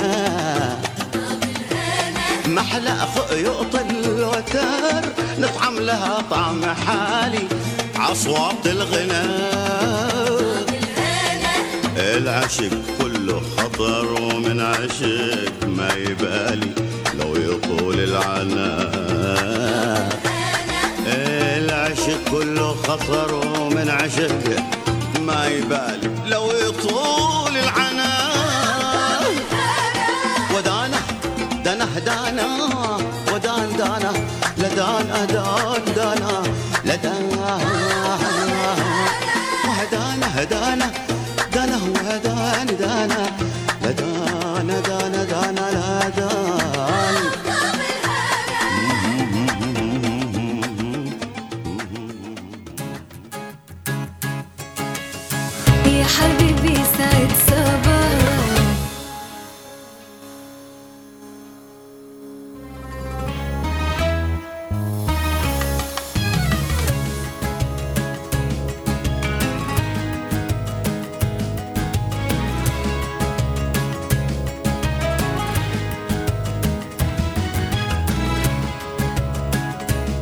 عدنا لكم آه، مستمعينا ومتابعينا من هنا من استوديو راديو أو إذاعة آه، هنا عدن. وأيضا عبر شاشتنا شاشة عدن المستقلة. الساعة الثانية أحمد آه، اللي هي ساعة موضوع الحلقة. وموضوع حلقتنا اليوم عن أضرار المشروبات الغازية. ننتظر اتصالاتكم عبر أرقام الهاتف 20 11 15 أو الرقم الثاني 20 17 17 وأيضا رقم كمان الواتساب؟ نعم رقم الواتساب 715 715 929 929 وكمان عبر صفحة آه، الفيسبوك. نعم. طبعا صالح آه، يعني كثير من الناس آه، عندما يتكلم عن أضرار آه، المشروبات آه، الغازية طبعا المشروبات الغازية آه، يعني ربما تكون لها فوائد لكن أضرارها كثيرة جدا. جدا. آه، الأضرار يعني سواء آه، على صعيد التغذية على صعيد الجسم على صعيد العظام وهشاشات العظام مم. لها كثير من آه، الانعكاسات آه، السلبية اللي آه، يعانيها يعني يعني المدمن نحن مم. ممكن نقول يعني يعني ال- البعض البعض إنه يشرب يشرب ثلاث يعني ثلاث آه آه ثلاث مرات أو أربع مرات في اليوم بالنسبة لل يعني ال- المشروبات الغازية. مم. يعني ثلاث قوارير أربع قوارير خمس قوارير. وهذا إدمان يعني يعتبر إنه بالنهاية آه يمكن بعضهم يقوم على الريق الصباحي شرب يعني. هذا طبعا شوف أحمد ال- بالنسبة للإدمان إدمان أشياء كثيرة يعني ومن ضمنها اللي هو إيش؟ ادمان ال- المشروبات الغازية. فإدمانها يعتبر سلوك غير صحي يضر بصحة الإنسان نفسه. أعتقد إنه إذا كان هو ما يفكرش بصحته فهو عدو لصحته صحيح. وعدو لجسده وعدو لروحه. فليش ما الواحد بيحاول قدر الإمكان إنه لا إفراط ولا تفريط؟ يعني يحاول صح. يكون بالمنتصف يعني. صحيح. آه ما قلنا لك آه، لا تشرب آه اسمه آه مشروبات غازية لكن اشربها في المناسبات آه في الأسبوع مرة. أعتقد إنها ما بتأثرش تأثير كبير يعني. أقول لك بروح بهضم. طبعا. لا البعض خلاص يصبح يصبح عادة سيئة يعني. داخله يتبرمج العقل عليها. صحيح. طبعا صالح آه يعني ال- بالنسبة للمشروبات الغازية لها كثير من ال- ال- الأضرار مم. منها آه ما يؤدي على الجسم طبعا. آه انتفاخ البطن آه وزيادة الغازات زيادة الوزن وارتفاع خطر الإصابة بمرض السكري وارتفاع سكر الدم لدى المصابين بمرض السكر وارتفاع خطر الإصابة بتصلب الشرايين وكذلك ارتفاع خطر الإصابة بأمراض القلب وتسوس الأسنان وارتفاع مستوى عنصر الكافيين في الجسم مما يؤدي إلى الأرق وبعض المشاكل العصبية وانخفاض كثافة المعادن في العظام. وينصح بتجنب استهلاك المشروبات الغازية بشكل يومي والمباعدة بين فترات شربها مثل ما قلت. كما ينصح بالاستعاضة عنها ببعض المشروبات الصحية الأخرى مثل عصائر الفواكه الطبيعية غير المحلاة والإكثار من شرب آه، الماء. آه، بالفعل آه، يعني قدر المستطاع بعضهم يقول لك أنا ما أقدرش آكل لب بيبسي ولا بمشروب غازي ولا مش عارف إيش. حاول قدر المستطاع إنك تعمل بديل. يعني أنا بالفعل أنا أعرف أكثر من شخص آه ممكن تستبدلها بالليمون عصير. الليمون ممكن آه العصائر الطبيعية الفريش ممكن العصائر المعلبة برضو بس يعني ما تكونش آه مشروبات غازية لأنه مشروبات غازية لها أضرار كثيرة. أيضا من البداية احمد آه، ماء جوز ال- الهند وكمان المياه الغازية سواء المنكهه أو لا.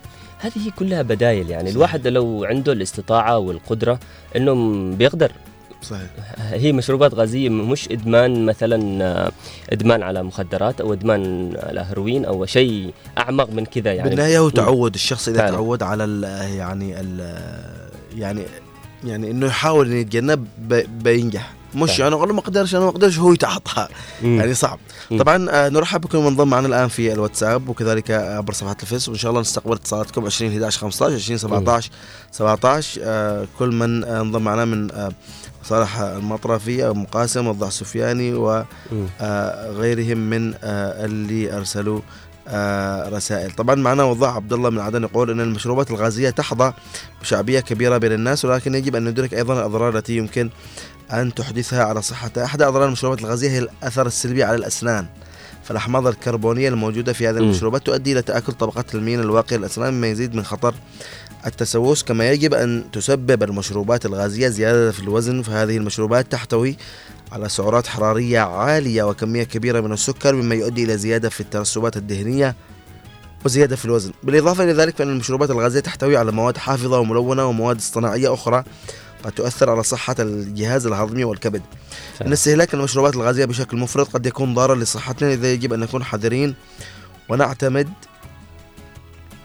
ونعتمد أن نكون على المشروبات الصحية مثل الماء والعصائر الطبيعية والشاي الأخضر آه، توازن وتنوع في هذه المشروبات يساعدنا في الحفاظ على صحة جيدة والوقاية من أمراض مزمنة تسببها المشروبات الغازية. كذلك أم عبد الله آه، تقول السلام عليكم صباح الخير يسعد صباحكم. المشروبات الغازية إذا كثرت فهي آه، مضرة. آه، اشرب بس مش دائما أنا عن نفسي ما أشربه إلا نادرا جميل. آه، أم عبد الله بالفعل. يعني يحاول يحاول إنه يأقلم نفسه. أحمد الآن يمكن معنا اتصال. نعم أنا اتصال. السلام عليكم. وعليكم السلام ورحمة الله. من معنا؟ صباح الخير. مع- محسن علي محسن علي من أبين هلا وسهلا. يعطيك العافية. الله يرضى عليك. الموضوع حق اليوم موضوع حلو جدا يعني مرتبط بالصحة والحياة وحاجة زي كذا. نعم. وأنا بحيي الشباب اللي يحاولوا يعدوا مثل هذه المواضيع أنت والأخ هذا صالح الجديد اللي معك. الله يعطيك حياك العافية. شكرا. وبقية المخرجين يعني إن شاء الله. وكان أشوف بقى- كان أول عندنا يا ابني نحن هذا الشراب ماشي. كان الصباح لو لو شربت كان بيبسي كولا وسبورت لايت أيوه. وبرت- وبرتقال بس هذا كان شراب أول بالزجاجة. مهم. صحيح. هذا شربه نادرا. الآن جابوا لنا شراب بالدبب دبه زي الجحلة منا يقول لك هذا هذا عائلي. إيش عائلي؟ هذا مرض عائلي يا ابني. صحيح. إيش يمرضوا الجميع ها؟ ها؟ يمرضوا الكل الأسرة أيوة، كلها. يعني يعطوك مرض بالجملة يعني الحين. هذا. خاصة بعد بعد الوحدة يجيبوا لنا دبب كلها. يقول لك وجيت سبع أيام وانتهى. منشان تشتري حاجة ثانية أنت. والعيب الكبير عادهم إنهم يكتبوا حق الإكسباير ديت بالصغير كذا يعني بحيث إنك مثال كبير في السن دي لا مش تقدر تركز عشان يمتسح. أيوه ولا يمسحوه ويرجعوا يصلحوه بدالة. صحيح. فهذا ما وهذا مشروبات مضرة بالصحة مرة واحد يا ابني ولا ولا تنفع أصلا. نعم طبعا محسن آه، يعني آه، أنت في البيت الآن آه. يعني بالنسبة للمشروبات الغازية كيف يعني بالنسبة للجيل اللي عندكم الجديد في الأسرة أو من أبنائك أو من يعني كيف تحاول إنك تحد من آه، شربهم هذه المشروبات؟ أو كيف تقدم النصيحة لهم؟ لا، أنا انصحهم لأنه تدري ليش؟ نحن نحن ساكنين بقرية شوف بقرية والقريه عندنا زراعة الليمون بشكل ما تتصور كثير يعني. ما شاء الله نعم. فهم لك إذا عندنا نحن شوف هنا قريب لو جيت نحن قريب المحطة حق حق هذا حق الكوز حق محل توزيع ال- المواد الفواكه. ما شاء الله. يعني موجود عندنا مليان بشكل في القرية بشكل غير عادي. يعني قليل ما يستخدموه. أغلبهم يستخدموا الليمون يعصروا لهم في البيوت حتى لا مش كهرباء يعصر بيده يحط فص وشرب له حتى يأكل. يا سلام. أيوه يعني هذا ساعدنا كثير يعني على ال- صح إن في بعضهم تحصله واحد واحد كذا يعني يقول لك أنا كنت شربت في في عدن شربت شراب في مطعم مدري من. قلت يا ابني هذا مالك ومال الشراب شرب لك ليه ما يحصل لك. صحيح. بلاش بلاش الليم بلاش عندنا. والله صحيح. آه. فان شاء إن شاء الله إحنا ننصحهم بانه عدم التعاطي لهذا وننصح أولادنا وجميع الناس إن شاء الله بعدم التعاطي نعم يعطيك العافية وربنا يحفظك إن شاء الله وإن شاء الله ربنا يجيرنا جميعا من كل آه الأمراض. يعطيك العافية. معنا آه. اتصال جديد؟ السلام عليكم. السلام عليكم. عليكم السلام خلا اسمع صباح الخير. الله يعطيك العافية. الله يحفظك يا آه، أهلا بالجديد اسمه صالح. صالح صالح. الله يحفظك شكرا آه، خال أسماء.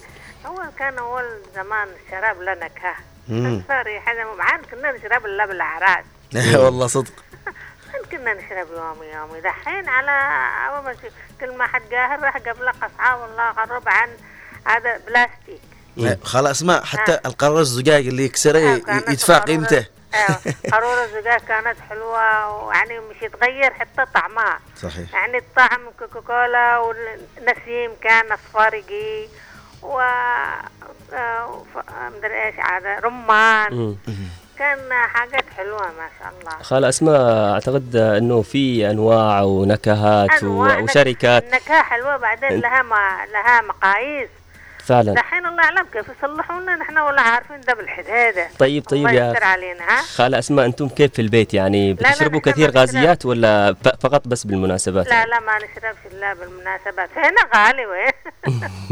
ما حد يشرب ما حد يشرب. ولا القهال ولا نخليهم يشربوا. نعم. هذا بطل أصلا يسيء بالصحة وده. أنت تجيب شوف قطعة لحم والله شيء ويسوي في بها كندا من ذا. كيف يعني تتفحته امم صحيح. أيوه يلا الله يعطيك العافية. ربنا يعطيك العافية خلاص اسمع ربنا بالفعل. الفكرة آه آه، أنا كلمني واحد.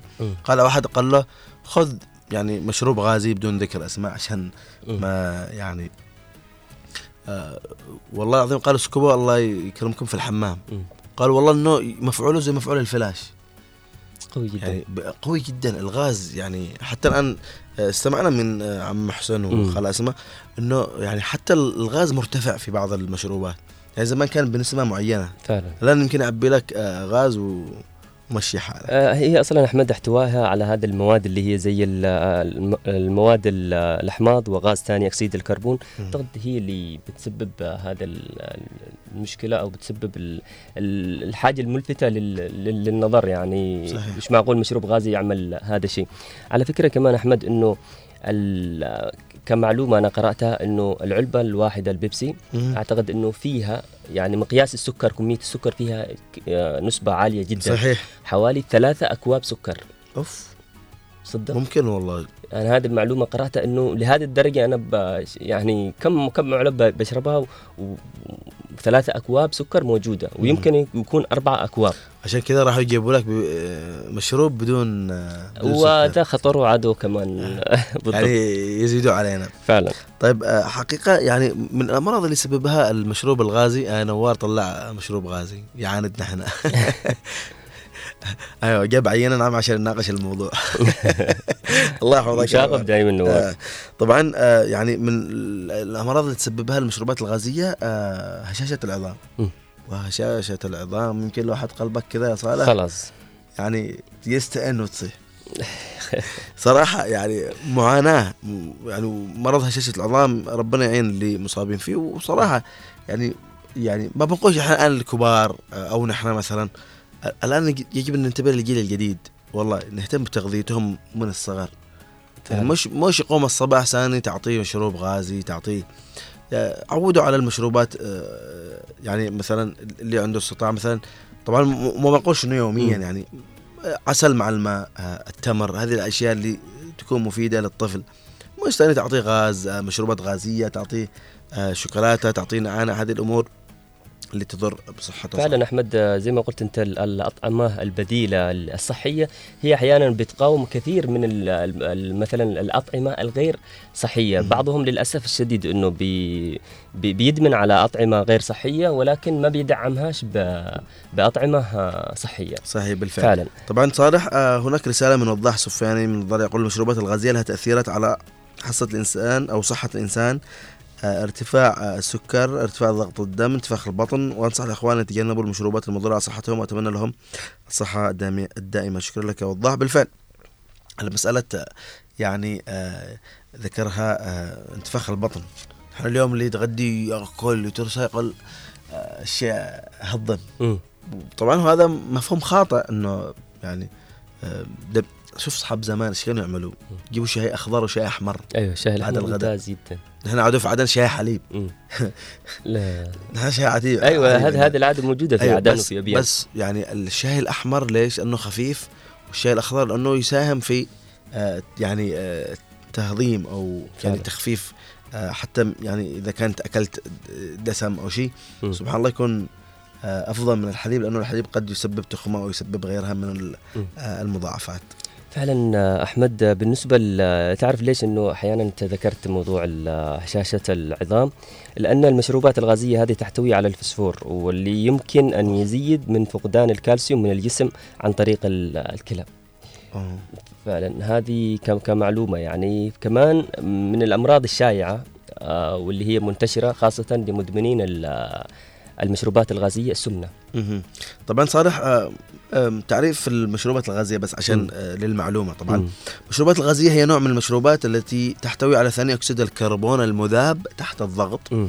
تمام وتتكون من الماء ومادة تحلية مثل سكر الطعام أو سكر الفاكهة الفركتوز ومواد حمضية ومنكهات ومنونات أخرى طبعا آه، هناك العديد من الأضرار التي ترتبط بالمشروبات الغازية وتؤثر طبعا آه، المشروبات الغازية على كثير من آه، صحة آه، الإنسان وتؤثر يعني حقيقة في آه، كثير من آه، الجوانب منها الهشاشة وربما تزيد أيضا الشعور آه، بالجوع. يعني من ضمن المعلومات اللي قالتها. إنه المشروبات الغازية آه، تزيد الشعور بالجوع تخليك دائما آه، وأنت آه، تجوع.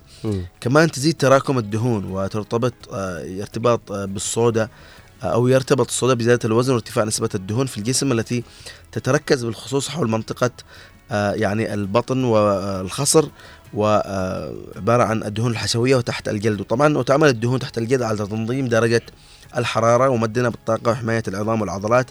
أما الحشوية الموجودة في منطقة البطن فهي الأكثر خطورة على صحة الإنسان وقد يؤدي تراكمها إلى ارتفاع ضغط الدم وزيادة مقاومة الأنسولين. فعلا.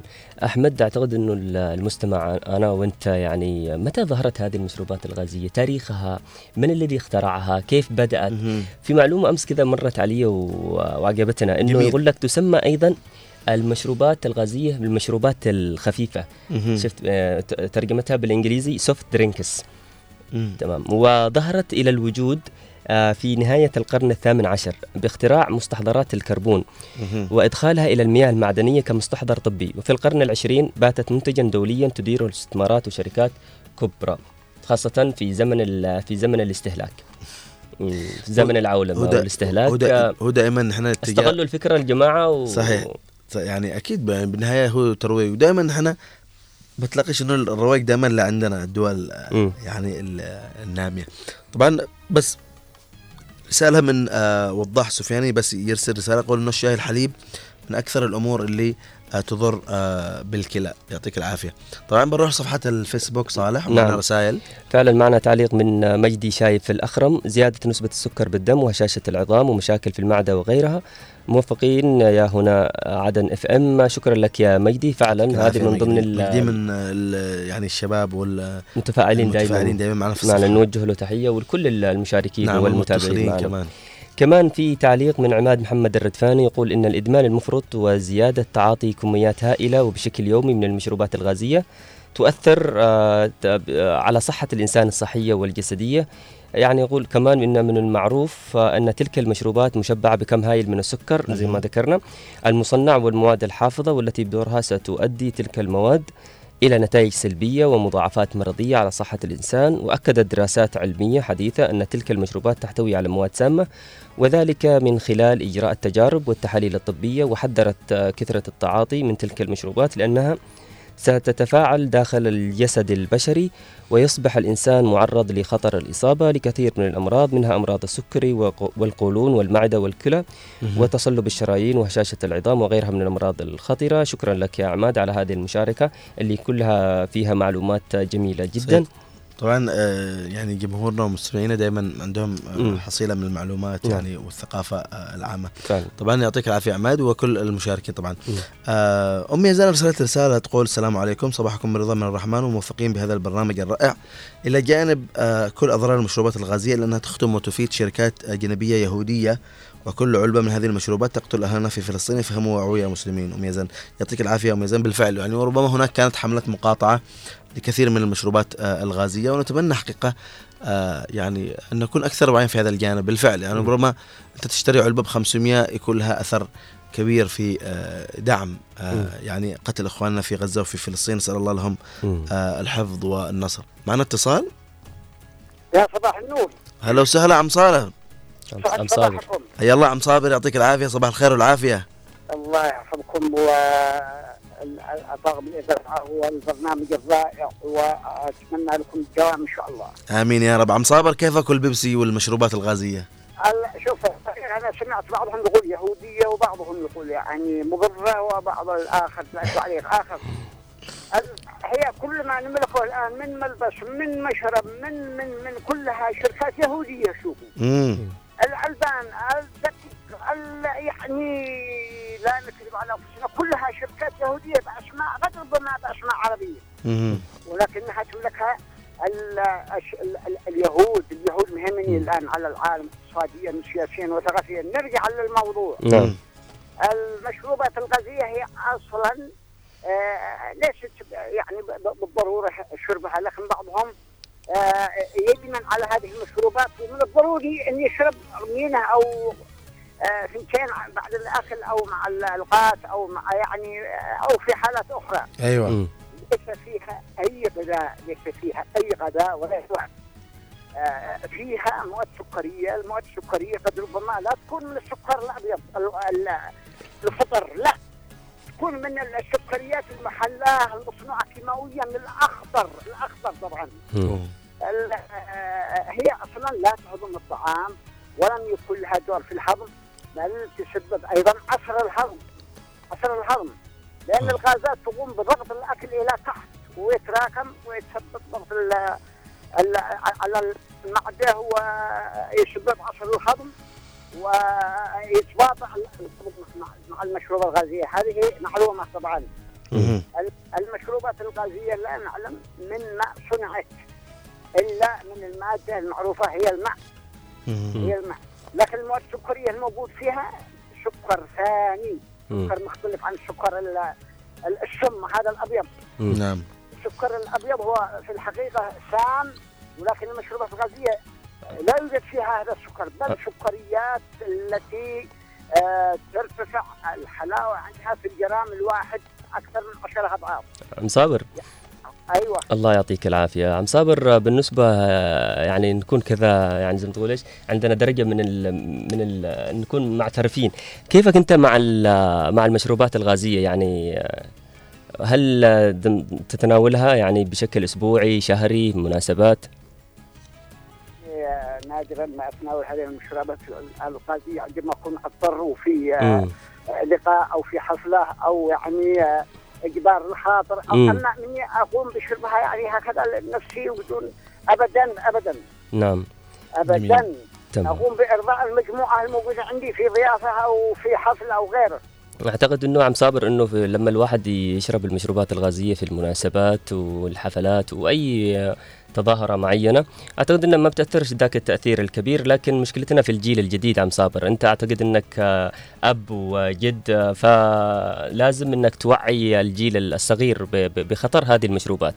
ال- الحقيقة الحقيقة عندما تكثر هذه عندما كثرت الآن المصنوعات عندما كثرت الصناعة ونزلت الأسواق كلها الصغير وكبير ومتوسط يعني حاجات حاجات ما نعرفها كنا زمان مثل هذه الطرزان والمدري من والأندومي و و- وغيره وغيره. يعني من الصعب جدا إنك تقوم بتوعيه الجيل الصغير لأنه مهتم فيها وينظر إلى اقرانه يتناولونها. وقام هو من الجانب. الآخر يشتي يعني مثلهم ضروري جدا. صحيح صحيح. يعني من الصعب التوعية من الصعب التوعية صعبة جدا جدا. وفي أشياء أكثر من المشروبات الغازية نزلت في السوق أخطر منها أخطر منها وأدهى صحيح رب صحيح عم صابر ربنا يعيننا جميعا ويحفظنا جميعا بإذن الله تعالى. شكرا لك يعطيك الصحة والعافية. ربنا آه، إن شاء الله يحفظك و آه، يعينك على اللي آه، يعني عندك من الجيل الجديد ويعيننا جميعا طبعا. صالح بصراحه نقاط مهمة ذكرها عم صابر و يعني هو ما يبادرش يشتري. لكن برضو في نقطة حلوة إنه مسألة جبر خاطر بالفعل. يعني أحيانا تضطر إنك ما حد يقدم لك مشروب تروح عنده ضيف أو شيء تضطر إنك تشربه لأنه مش معقول تقول له ما آه،. اشتي ليم ولا اشتي. حاجة. ثانية صعبة جدا. تتشرط يعني. لكن آه، بالنهاية ممكن حتى تشرب قليل وتحط الكاسة بس من باب أو العلبه من باب جبر آه، الخاطر لأنه آه، هي ضيافة.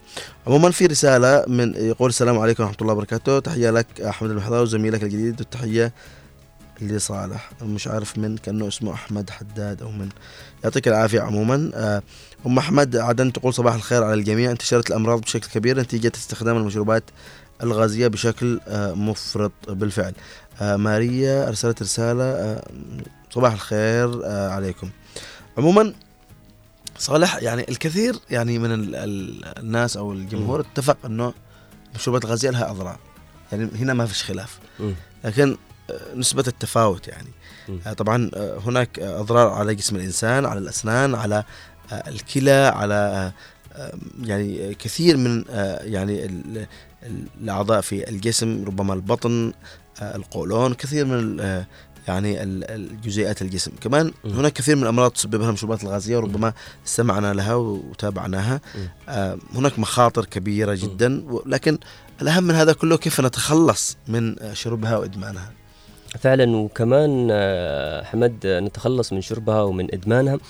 كمان في حالة إني اكتشفت أو اكتشفت إني عندي هشاشة عظام أو آه، مثلا آه، إنه هذا المشروب الغازي يسبب لي مرض آه، معين لازم نعمل إيش أحمد نعمل خطة يا سلام. خطة إيش؟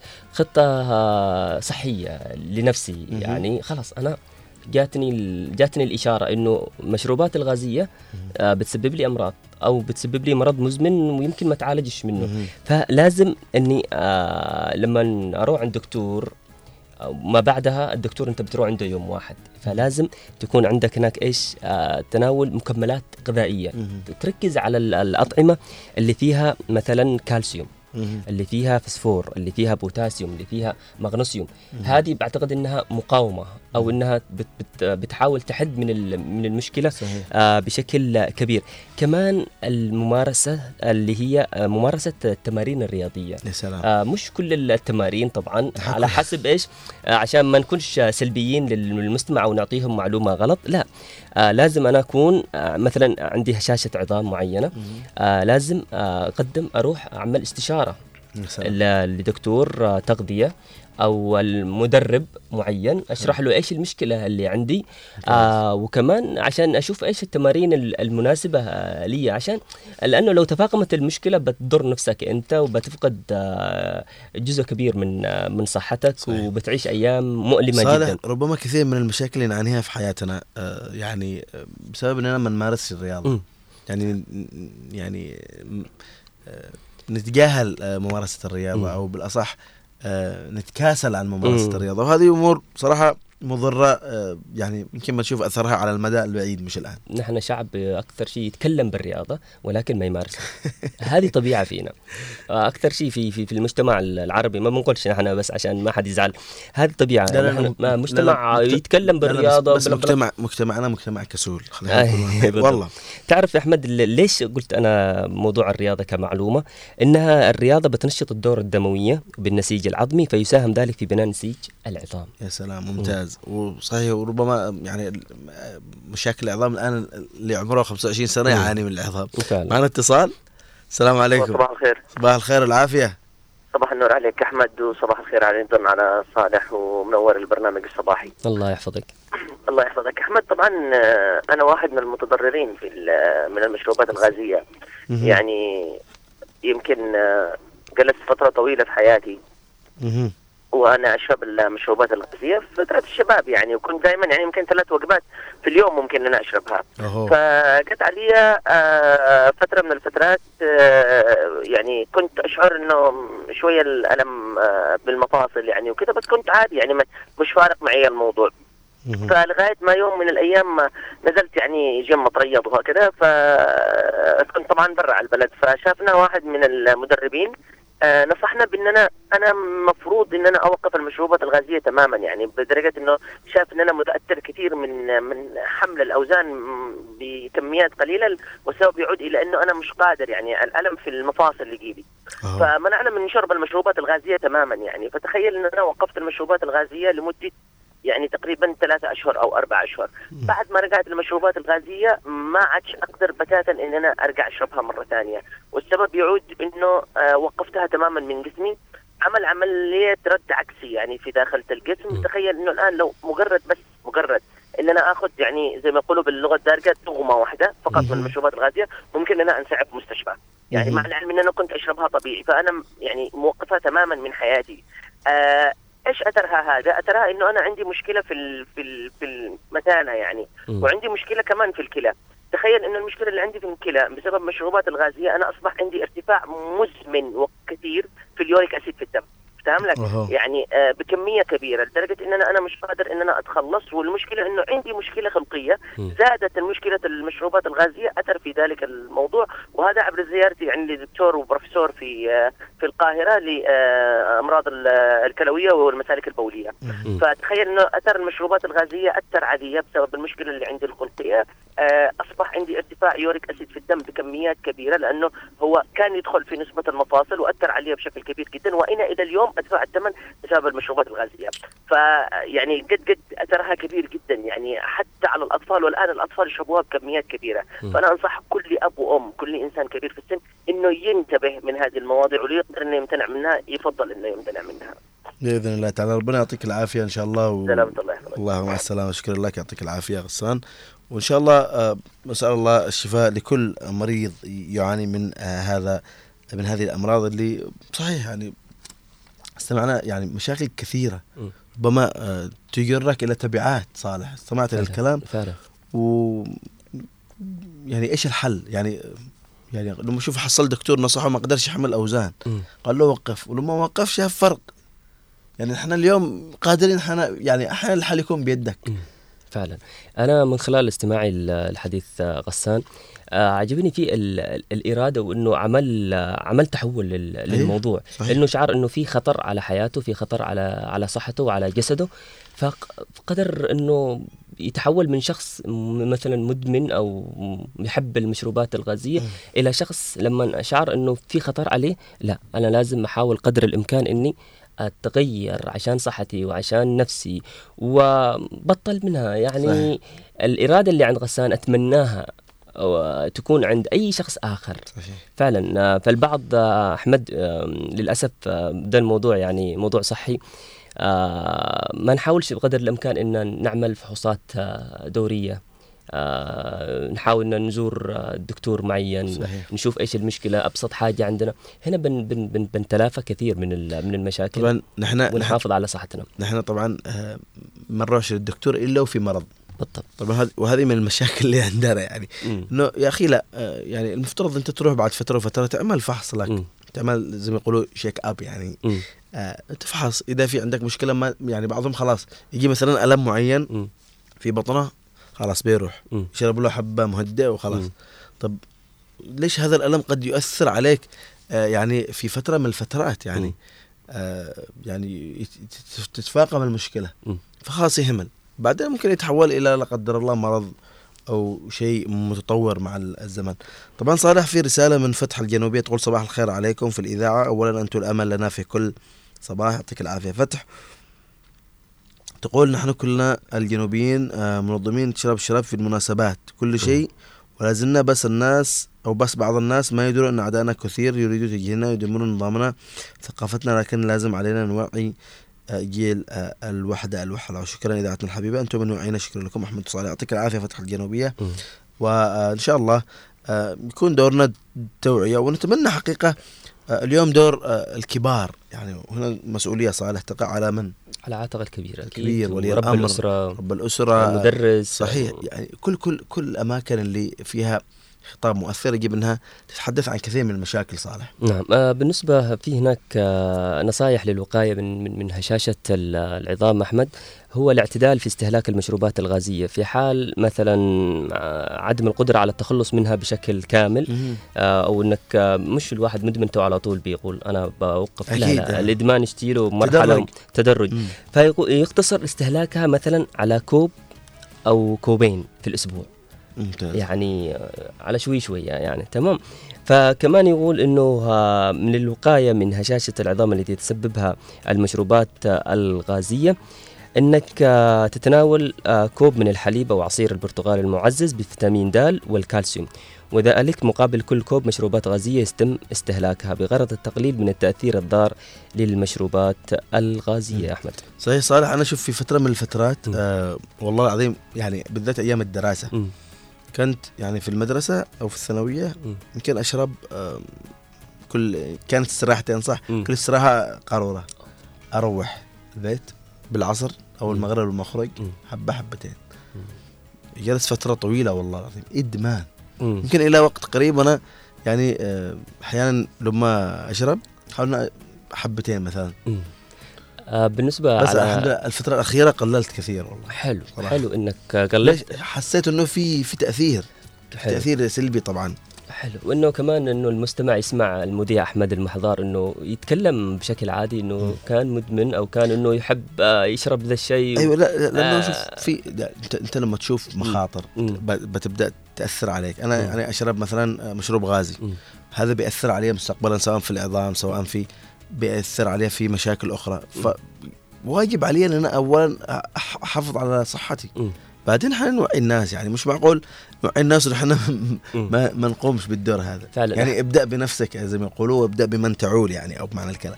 بعدين ابدأ انصح الناس. صحيح. أما إنك تجي تتكلم وكذا وأنت أصلا ما بدأتش بنفسك فدائما يقولوا التغيير يبدأ من الذات يعني. من الذات. آه، فعلا أحمد. آه، بالنسبة لقدوم شهر رمضان آه، أنا من النوع اللي ما ما أشربش كثير مشروبات غازية بس عندي عادة.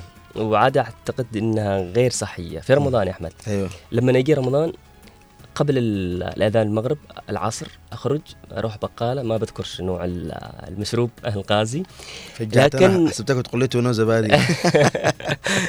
فأشل علبة. علبة بيبسي بس تكون باردة كذا أيوة. أيوه. فاحطها كمان في في الفريزر أو في ال في ال في الديش، في أيوة. الديش في الثلاجه وتكون باردة بشكل تخيل يعني هي قدها العلبة سكر في سكر. أيوة. عندك طاحن سكر. وكمان لا كمان إنه الوجبات الإفطار فيها وجبات فيها سكريات يعني طبعا انت أنت طرحت نقطة مهمة. مم. واصل واصل نعم. والله. فكمان على طول بعد ما أصلي المغرب أرجع من صلاة المغرب. هذه طبعا قبل فترة هذا العادة. على طول ثاني أجي أفك العلبة بعد المغرب كذا على مسلسل مسلسلات آه. المحلية. فأشرب وأستمتع. بشعور غير يوصف بس فترة هذه حسيت إنه الموضوع لا وقفتها. كفاية أيوه كفاية ممتاز. رجعت لا أحاول إنه قدر الإمكان اجعل لي عادة صحية أخرى مثلا بعد العشاء أو بعد صلاة التراويح أروح أمارس رياضة. المشروبات الغازية خلاص آه، وقفتها سبحان الله صالح صلاة التراويح مم. يعني صلاة التراويح بحد ذاتها تعتبر رياضة يعني تخيل إنك تصلي 20 ركعة في اليوم مم. يعني في رمضان طبعا مم.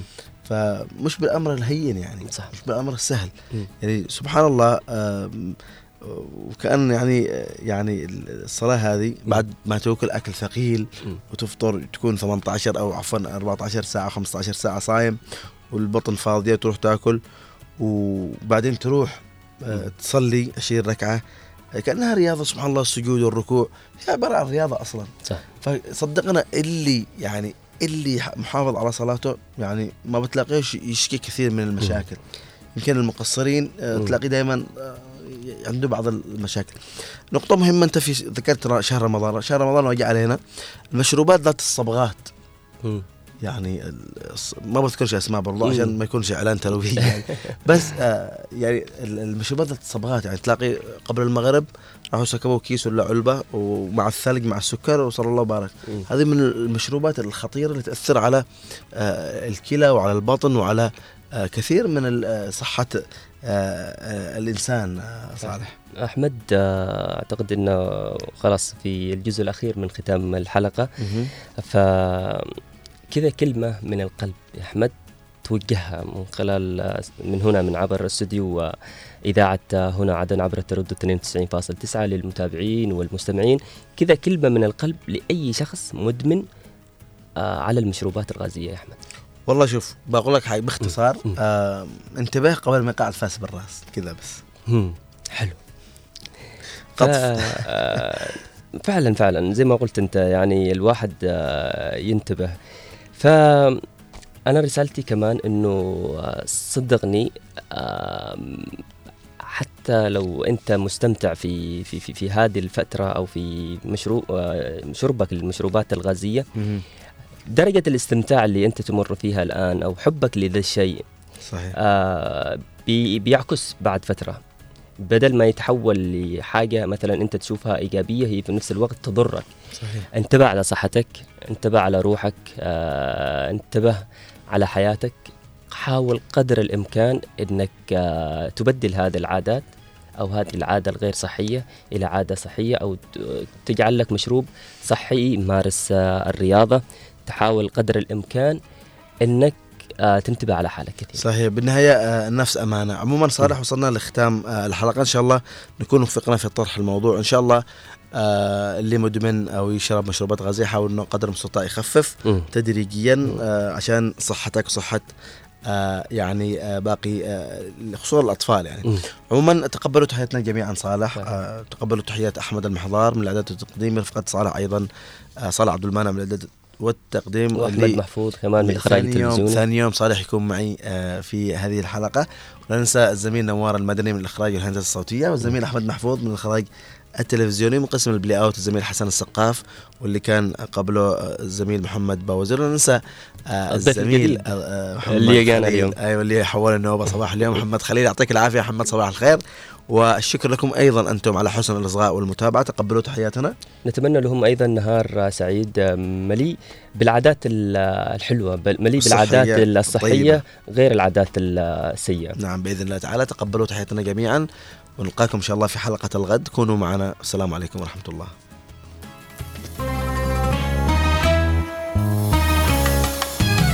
يا حبيبي سعد صباح